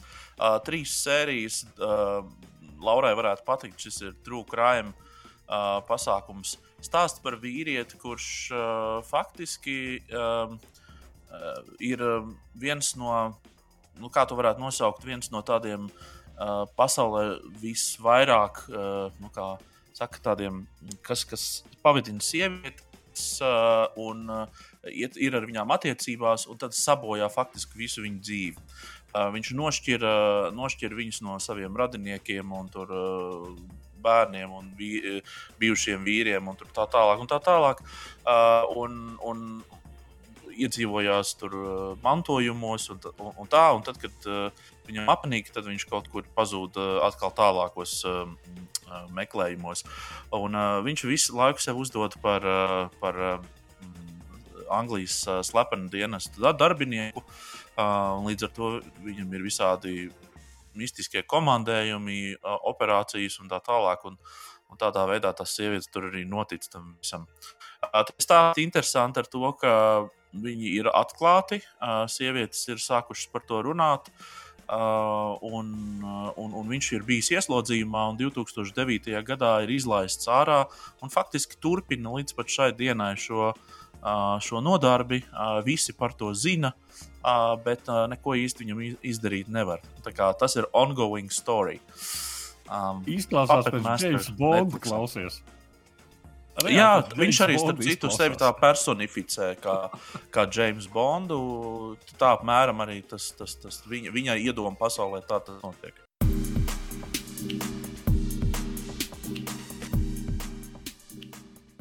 And just like that, esam sagaidījuši jaunās ja, seksu un lielpilsētas pirmās sezonas noslēgumu. Pēdējā sērija liecina, ka nu, iespējams, ka varētu būt turpinājums. Nu, visi tie notikumi, kas tur bija, nu, redzēsim, vai būs. Uh, nu, Ziniet, kā uh, jūs esat paskatījušies, un cik sēriju, mm. līdz cik sērijām tikāt, ja tikāt? Netikā. Es seksu un lielpilsētu kaut kad senos laikos mēģināju saprast, ka mm -mm, nebūs. Mm. Nē, es šo paskatījos vienu sēriju kompānijas pēc, un, un, un, un, un tā, nu, jā, šis bija smieklīgi. Īpaši man patika epizode, kur, kur tā laikam, galvenā varone iepazinās, uh, iepa, viņi, kā viņi uh, ir atraitni, un viņi iepazinās bārā ar jaunu, ar jaunu čalu, tad viņi. Abi kā sērojoši, bet pēc tam iznāca no, no kafejnīcas vai no tā restorāna un pieķēzīja visu ielu. Tas bija. Tās, tā bija jā. viena no pēdējām sērijām. Jā, to es arī redzēju. Bet īsumā par šo sezonu, nu, man ir, teiksim, tuvas tās varones, un es skatījos, jo nu, ir tās atmiņas par the City, un, un gribas jau tāpat skatīties, vienalga, vai tur viņš ir tik kvalitatīvs kā agrāk, vai nē, jo ir tā pieķeršanās. Uh, bet uh, īsti nekas nenotika. Tas ir tas, un es gaidīju šo pēdējo sēriju. Ar domu, nu, jo parasti pēdējā se sērijā sezonas ir kaut kādas problēmas, mm -hmm. atrisinājums vai, vai nu, kaut kas notiek. Bet nebija nekādas problēmas. Tā Tāpēc sezonā, nebija atrisinājumu. Nu, nu nebija ko, ar ko īsti noslēgt arī. Jo, jā, nomira lieliskais Kerijs šajā sezonā pārdzīvotās sēras, Miranda savu seksualitāti, nu, tur cīnās un mēģina saprast, kas viņa ir. Savā 50 gadu vecumā Šarlote ir uh, jautājumi attiecībā uz meitu seksualitāti savukārt. Un, bet jā, tas, A, kur ko... ceturtā palikusi, bija taču četras. Jā, Samanta nav. Viņa it kā tur dzīvo citur. Un arī pēdējā sērijā viņa karjeru viņu sazinās, bet viņa tur neparādās kā, kā aktrise. Mm -hmm. uh, bet, Jā, nu nebija nekas, nebija nekas tāds. Un tas, ko daudzi pārmet, ir par, par daudz vauku un par daudz sabāzts. Viss tas šajā seriālā, tas aktuālais, mūsdienīgais, nu tā, lai būtu tā dažādība, bet ļoti, ļoti mākslīgi. Jā, ir seriāli, kuros tas daudz dabīgāk uh, notiekās. Un, Par to pieķeršanos jā. es varētu saprast, ko tu saki, jo daudziem, es zinu, ir līdzīgas sajūtas ar Friends seriālu, ar draugiem. Jā, mm. Man, man tas ir ar Filadelfiju. Jālai no Filadelfijas, tur man konekšana ir. Nu, attiecīgi, mans līmenis. Ir grūti spriest, vai es, piemēram, skatītos šo, ja es nebūtu skatījusies uh, Sex and City. Nu, vai šis būtu kā kaut kāds pilnīgi jauns seriāls? Es domāju, ka nē, nu, tas uz nostāļģijas spiež. Nu, kāpēc tu skatītos, ka tu nezini, kas tas ir vispār? Nu, tas ir. Nu, jā, tas un, notiek, un, viss spiež uz nostāļģiju. Nu. Un es arī ar savu mammu parunāju par šo, jo viņai ir 55 gadi. Un, uh, vi, nu, Boris tās ir viņas vienaudas uh, sievietes seriālā. Viņai, jā, viņa teica, viņai arī skatās, bet viņai īpaši patīk tas, ka viņas ir nu, pataisītas vecākas nekā viņas ir patiesībā. Jo viņas jau nebija iesaldētas visus šos 20 gadus. Uh, nu, jo ir tāda sajūta, ka viņas ārpus oh, ir geja pasaulē, bet, lai gan Sex and City jau bija. Jā, jā, jā, protams, uh, bet, kā, protams nu, viņām tur viss tas ir kaut kas jauns, un ka viņas nemāķi mūsdienu pasaulē dzīvot. Varētu būt tā, ka tie, kas rada to, to, to seriālu, viņi vairs īpaši neķer laukumu, kas notiek mūsdienās, un mēģina ielikt tajā vilcienā. Tur, hey! How do you do, fellow kids? Varētu būt, viss varētu būt. Nu tā, tā, vidēji, vidēji. Jūs neticēsiet, es, tieši, es, skati, jā, es skatījos šo filmu. Tieši es. Uh, bet es to darīju fonā, uh, skatoties. Uh, jā, šis jā. ir ļoti interesants stāsts. Kas tā um, ir? Es nezinu. Futbolists. Tātad Džordžīna. Džordžīna nav porno aktrise. Uh, viņa oh, ne? ir Kristiāna Ronaldo sieva. Un, uh, man tas izskatījās ļoti vienkārši. Uh, uh, Kristiāna Ronaldo aģents noteikti piezvanīja uz Netflix un, uh, un teica, labdien! Uh, sakiet, lūdzu, vai jūs varētu uzfilmēt seriālu par uh, manu klientu sievu? Viņa ļoti garlai, garlaikot ir un tā. Viņai no, jā. nav dzīvē, ko darīt. Būtu forši, ja viņai pasakot kāds kameras, tā viņa bišķi saņemtos un tā. Un tad Netflix atsūtīja kameras mm, un pasakoja līdzi Džordžīnai. Uh, stāsts ir ļoti vienkāršs. Uh, Eh, tiek filmēti viņas pārbraucieni no, ar privāto lidmašīnu uz jahtu Monako un tad, eh, teiksim, uz kaut kādu marmarbēlis to vilu, un tad atkal uh, viņi brauc Itālijā piemērīt kleitu, protams, ar privāto lidmašīnu, tad atkal lido atpakaļ uz, uz Spāniju. Var sakot, uh, šād, šāds tas saturs arī ir. Um, Viņa visu laiku mm, stāsta mm, tām kamerām, cik ļoti viņa nodarbojās ar labdarību un cik patiesībā labs cilvēks viņa ir. Uh, pats Kristiāno uh, parādās tur laika pa laikam un saka, cik ļoti viņam ir paveicies, ka viņam ir tāda sieva. Uh, man sakot, šis ir, šis ir izcils, izcils savā žanrā. Okay. Izklausās ļoti dīvaini. Vispār, kāpēc par to ir filma? Nē, nu kā, ļoti vienkārši. Jā, es, es jau izstāstīju. Džeks ir aizņemts, sieva viņam visu laiku zvana, besi ārā, viņš aizsūta viņai. Saka, dārgā, tu gribi būt zvaigznes? Jā, gribu, protams, nu tad šeit tev darbojies pa pofu. Jā, jā, ok, ok, nu.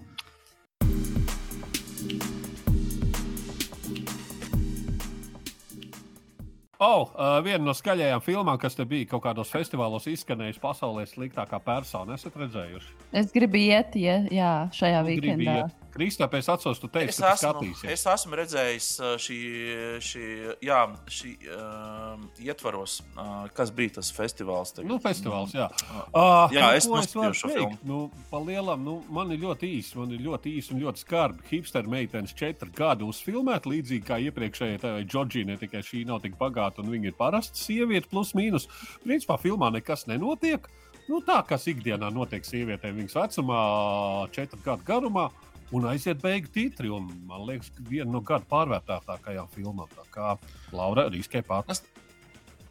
Nē, es, es, es jau droši vien varu pakomentēt, tad, uh, tad, uh, cik es tā nu, atceros, tur tās nianses bija tādas, ka tieši tas, ka uh, tā sliktākā persona pasaulē nozīmē, ka viņa ar savu dzīvi, pieskaroties citu cilvēku dzīvēm, faktiski nekādu vērtību nepievieno. Vai pat sačakarē. Nu, kaut Nu, kā jā, tā. nu. Pēc Nu, būt- parasti pēc ikdiena, būtības nu, Tāpēc arī tas tiek nosaukts, ka viņa ir sliktākā persona pasaulē. Jā. Jā, jā, jā, tur ir viss šis narratīvs. Jā, jā, jā, ar mani te noteikti ir slikti un tā tālāk. Nu, tā kā, Jā, jā, vajag tāds žēlums kurs visā, jā. iziet meitenei. Nu, tas arī viss. Jā.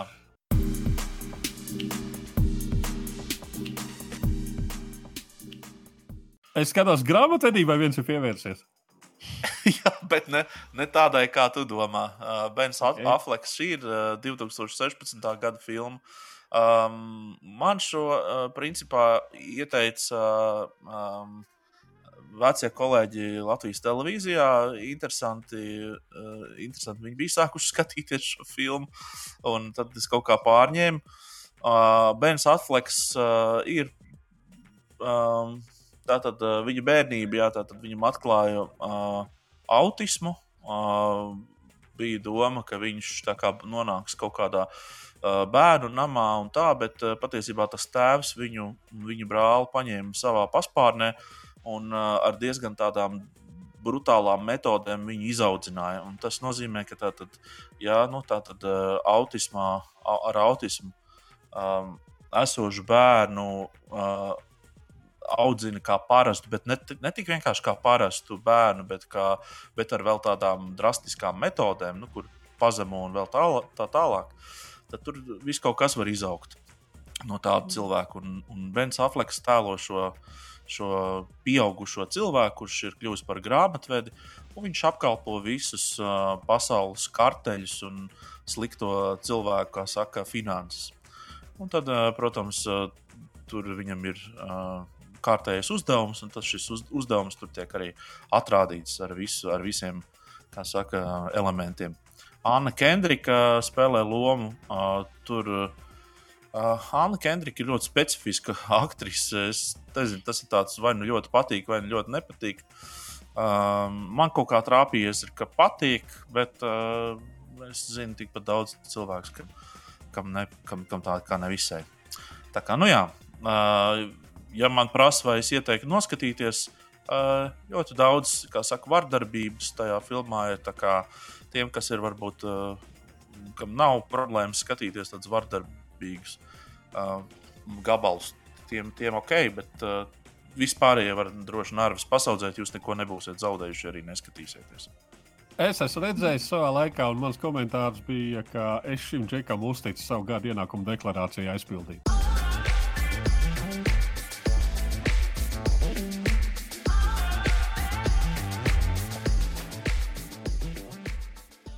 Par klausāmajām lietām fiks kaut kāda jaunuma. Red Hot Chili Peppers jauna dziesma, Black Summer. Izklausās tieši tāpat kā jebkura cita Red Hot Chili Peppers dziesma. Es nezinu, kā viņi tās atšķir. Tālāk, Midnight Oil. Midnight Oil izrādās vēl joprojām ir dzīve, vēl joprojām kaut kur dusmojas savā Austrālijā uz visu pasauli un tā tālāk uz politiķiem. Paši viņi ir politiķi.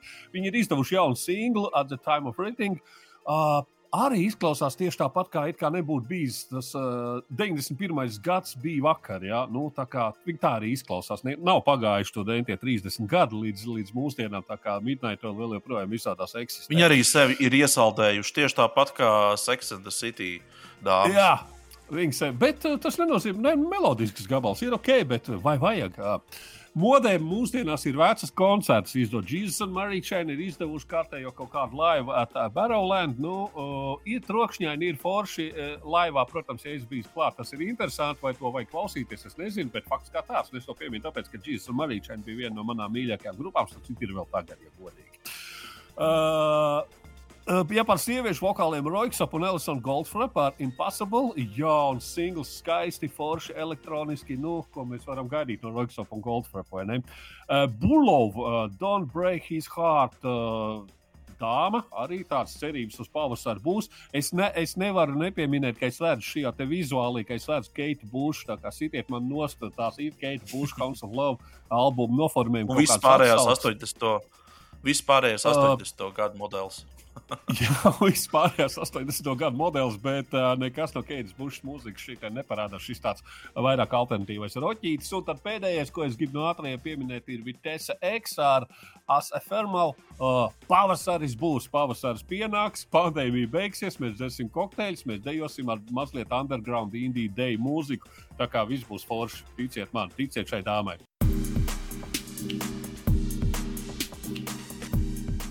Man ar jaunumiem gāja tā švakāk. Nu, es arī tajā slavenajā New Music Friday sapratu, ka nekas tāds baigi nav, ko es gribētu no jaunās mūzikas klausīties. Bet mana nedēļa pagāja ar Arthuru Skuteli, jo vakardien es viņu sarunājos podkāstu ietveros.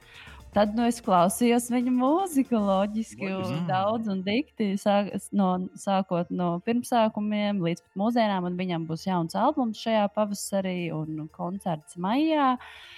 Un, nu, ja man jāizdara kaut kādi secinājumi, tad es ļoti priecājos, ka man izdevās ar viņu iepazīties. Tiešām inteliģents cilvēks un, un ļoti autentisks savā mūzikā. Un man man noteikti patīk un rekomendēju gaidīt, gaidīt jaunu albumu kopā. Jā, es tieši gribēju te pavaicāt, kāds viņš dzīvē ir, kāds viņš ir sarunā. Un tu teici, inteliģents un tāds nosvērts, ja droši vien. Nu. Viņš ir, jā, nu, ja drīkst, nu tiešām tāds cilvēks, kurš ir ļoti mierīgs un, un, un kā, nu, nav lecīgs reperis. Jā, jā. Tāda, tāda, tāda, jā. tā kā mēs to apmēram iedomājamies, kāds reperis varētu būt. Cilvēks. Jā. Es mēģinu atcerēties, kādas kūtēji gabalu atgādiniet. Man viss laikam esmu muļķis. Es klausos um. Eliotu Edvārdus, un tur tu, tu, tu, Rānsi un Singapūras Satīnu. Mana Rīga. Kūtelis? Tas kvadrātmetri kvartāli. Nezinu tādu dziesmu, piemēram. Ah, ok, to es zinu. Ah, tad es zinu, ka Edgars, uh, Edgar, tu, ar, uh, tu man pirmo reizi skuteļu vārdu nosauc tieši Berlīnē, kad mēs bijām. Sēdējām uz balkona, dzērām alu, un, un, un, un tu man tieši teici, lai es paklausos skuteli. Uh, Vai tāds skuteli? Jā, tik neliels. Jā, jā, jā, jā, jā, jā. Un es pēc tam tieši tajā vakarā arī klausījos, es atceros. Jā. Okay, Jā, kaut kas būs tāds. Valentīna dienā manā podkāstā būs saruna ar viņu. ok, klausamies.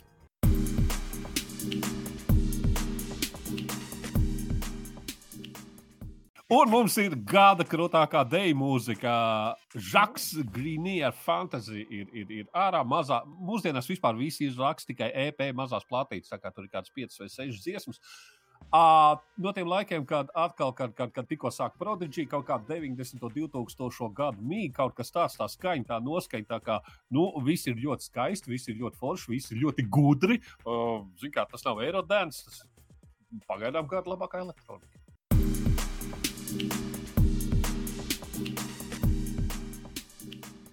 Ziemā vēl uz episkām lietām, ziemā vēl uz pasmagākām lietām. Uh, Francijas smagās, pa, smagā, nezinu, gala pārstāvis Celeste. Un, un, un viņiem ir jauns albums. Uh, es pat apgrūtinos to nosaukt. Es nezinu, kādā valodā tas ir. Assassins. Assassins tas ir kā ne kaut kā Um, nu, jā, labi. Nu, kā, nu, jā, kā, pirmkārt, viņi ir franči, otrām kārtām, kas ir īpatnēji, viņiem visos albumos pēdējais ir S-burts, un vienmēr tas ir iekavās. Viņiem ir kādi seši albumi, un tur visur ir tā, un tie nevienmēr ir angļu valodā. Kaut kā doma, jā, tur apakšā. Jā, jā, jā bet tas ir, ir tāds, viņi eksperimentē ar smago, smagā gala kaut kādām visiem tiem žanriem, neiedziļināšos kādos, bet tas izklausās pietiekami iespaidīgi. Tā kā, jā, ziemā vēl kas episkām lietām, tad, kad aiz loga ir sniegputenis, un tad, kad tu mēģini iziet ārā pastaigāties, tad tev šis varētu motivēt ātrāk iztrikties no visam cauri.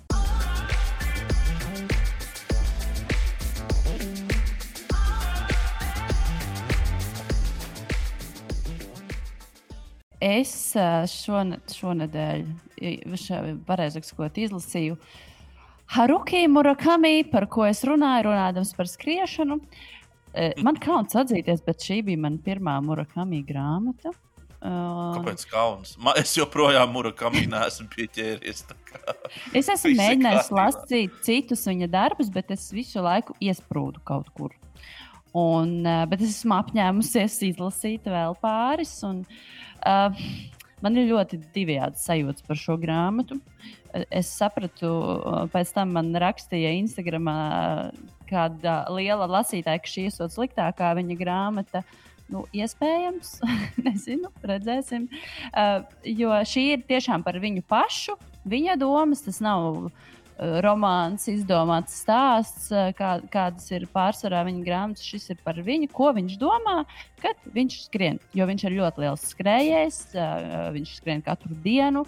Vairākus jau gadu desmitus, arī peld un brauc ar riteni. Ļoti sportisks un veselīgs cilvēks. Un šajā grāmatā viņš visu laiku runā par savām sajūtām, skrienot par to. Šodien tur bija tāds laiks, man slinkums skriet, bet ir jāskrien no nu, apmēram tā.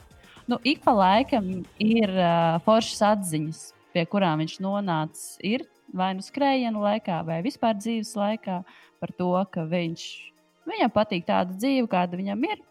Un, jā, un tagad es klausos pati tajā, ko es stāstu, neizklausās baigi aizraujoši.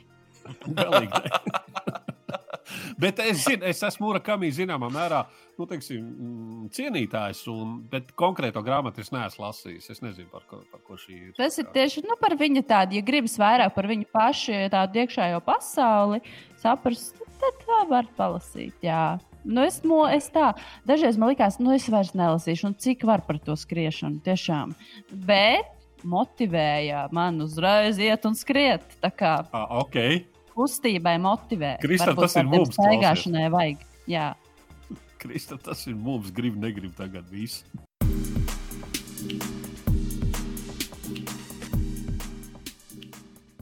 Uh, šis ir mans uh, pieteikums uh, šīs nedēļas literatūras stūrītim. Uh, desmit, le, uh, desmit mācības uh, pēc pandēmijas pasaulē. Uh, Farīds Zakaira ir uh, labi zināms komentētājs un žurnālists CNN. Um, viņu viesu vidū, protams, parasti ir visi lielie um, pasaules ekonomisti, politiķi un tā tālāk. Ļoti labs žurnālists, intervētājs. Man viņš kaut kur vienmēr tā, ja mēs tā velkam paralēlus ar Latviju, ir atgādinājis nedaudz tādu Ediju Bošu. tā, tā, tā kā viņš ir tāds apmēram tipāšs.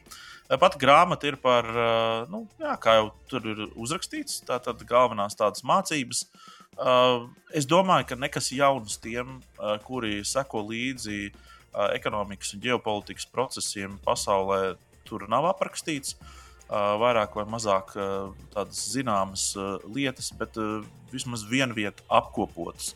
Un tādā ļoti, nu, um, um, kā saka, Um, nu tā galvenā lieta ir tā, ka faktiski tas, kas, tas uz ko uh, pasaule mainīsies, ka uh, nu, tā tā, tas, um, tas, ka mēs paliksim apmēram pie šiem pašiem piesardzības, pasaule kļūs ļoti, ļoti piesardzīga.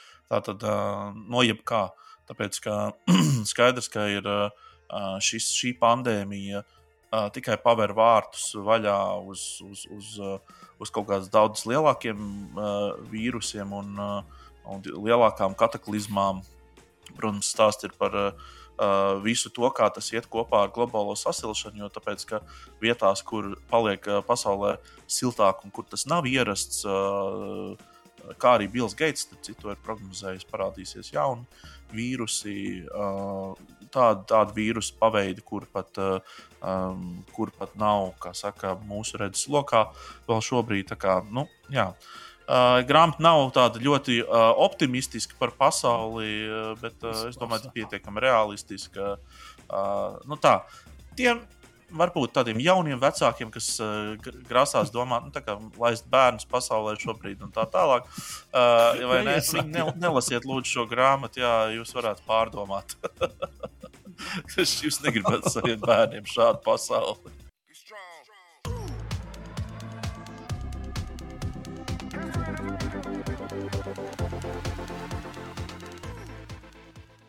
Man bērnībā bija populāra multiplikācijas filma par kaut kādu nezināmu izcelsmes radījumu, kurus sauc par Čeburāšku, latviskojot pekaus. Viņam bija krokodils uh, Gēna, labs draugs, reāls krokodils, kurš spēlēja harmonikas un dziedāja. Uh, diemžēl dzimšanas diena ir vienreiz gadā. К сожалению, день рождения только раз в году. Nu, diemžēl dzimšanas diena ir vienreiz gadā. Uh, neko darīt. Es domāju, mēs pēc uh, gada vēl joprojām te būsim. Dienai pēc būs uh, četru gadu jubileja, mums būs divu gadu jubileja, tev jau būs 79. gada jubileja, man būs 89 gadi. Viss vienos svētkos, tā kā to arī apsveicam. Tas mums turpinām. Un, ja jau, reiz, ja jau reiz mēs esam vienu gadu izvilkuši, tad tiešām nav jau baigā pamata neticēt, ka uh, nepienāks tas otrs gads arī. Tā kā uh, tik tālu esam izdzīvojuši, ka saka, uh, bērns nav nobeidzies, tad, kā saka, turpināsies, augsts pieņemsies, pieņemsies svarā. Un, Un, un gan jau attīstīsies daudz dažādos virzienos. Un, protams, ka mēs ļoti priecāsimies, ja jūs uh, izteiksiet uh, gan komentārus, gan iesaistīsieties satura veidošanā, rakstot uz pasts, atdiena pēc.CLV. Um, mēs lasām jūsu komentārus, mēs sakojam līdzi uh, jūsu vēlmēm.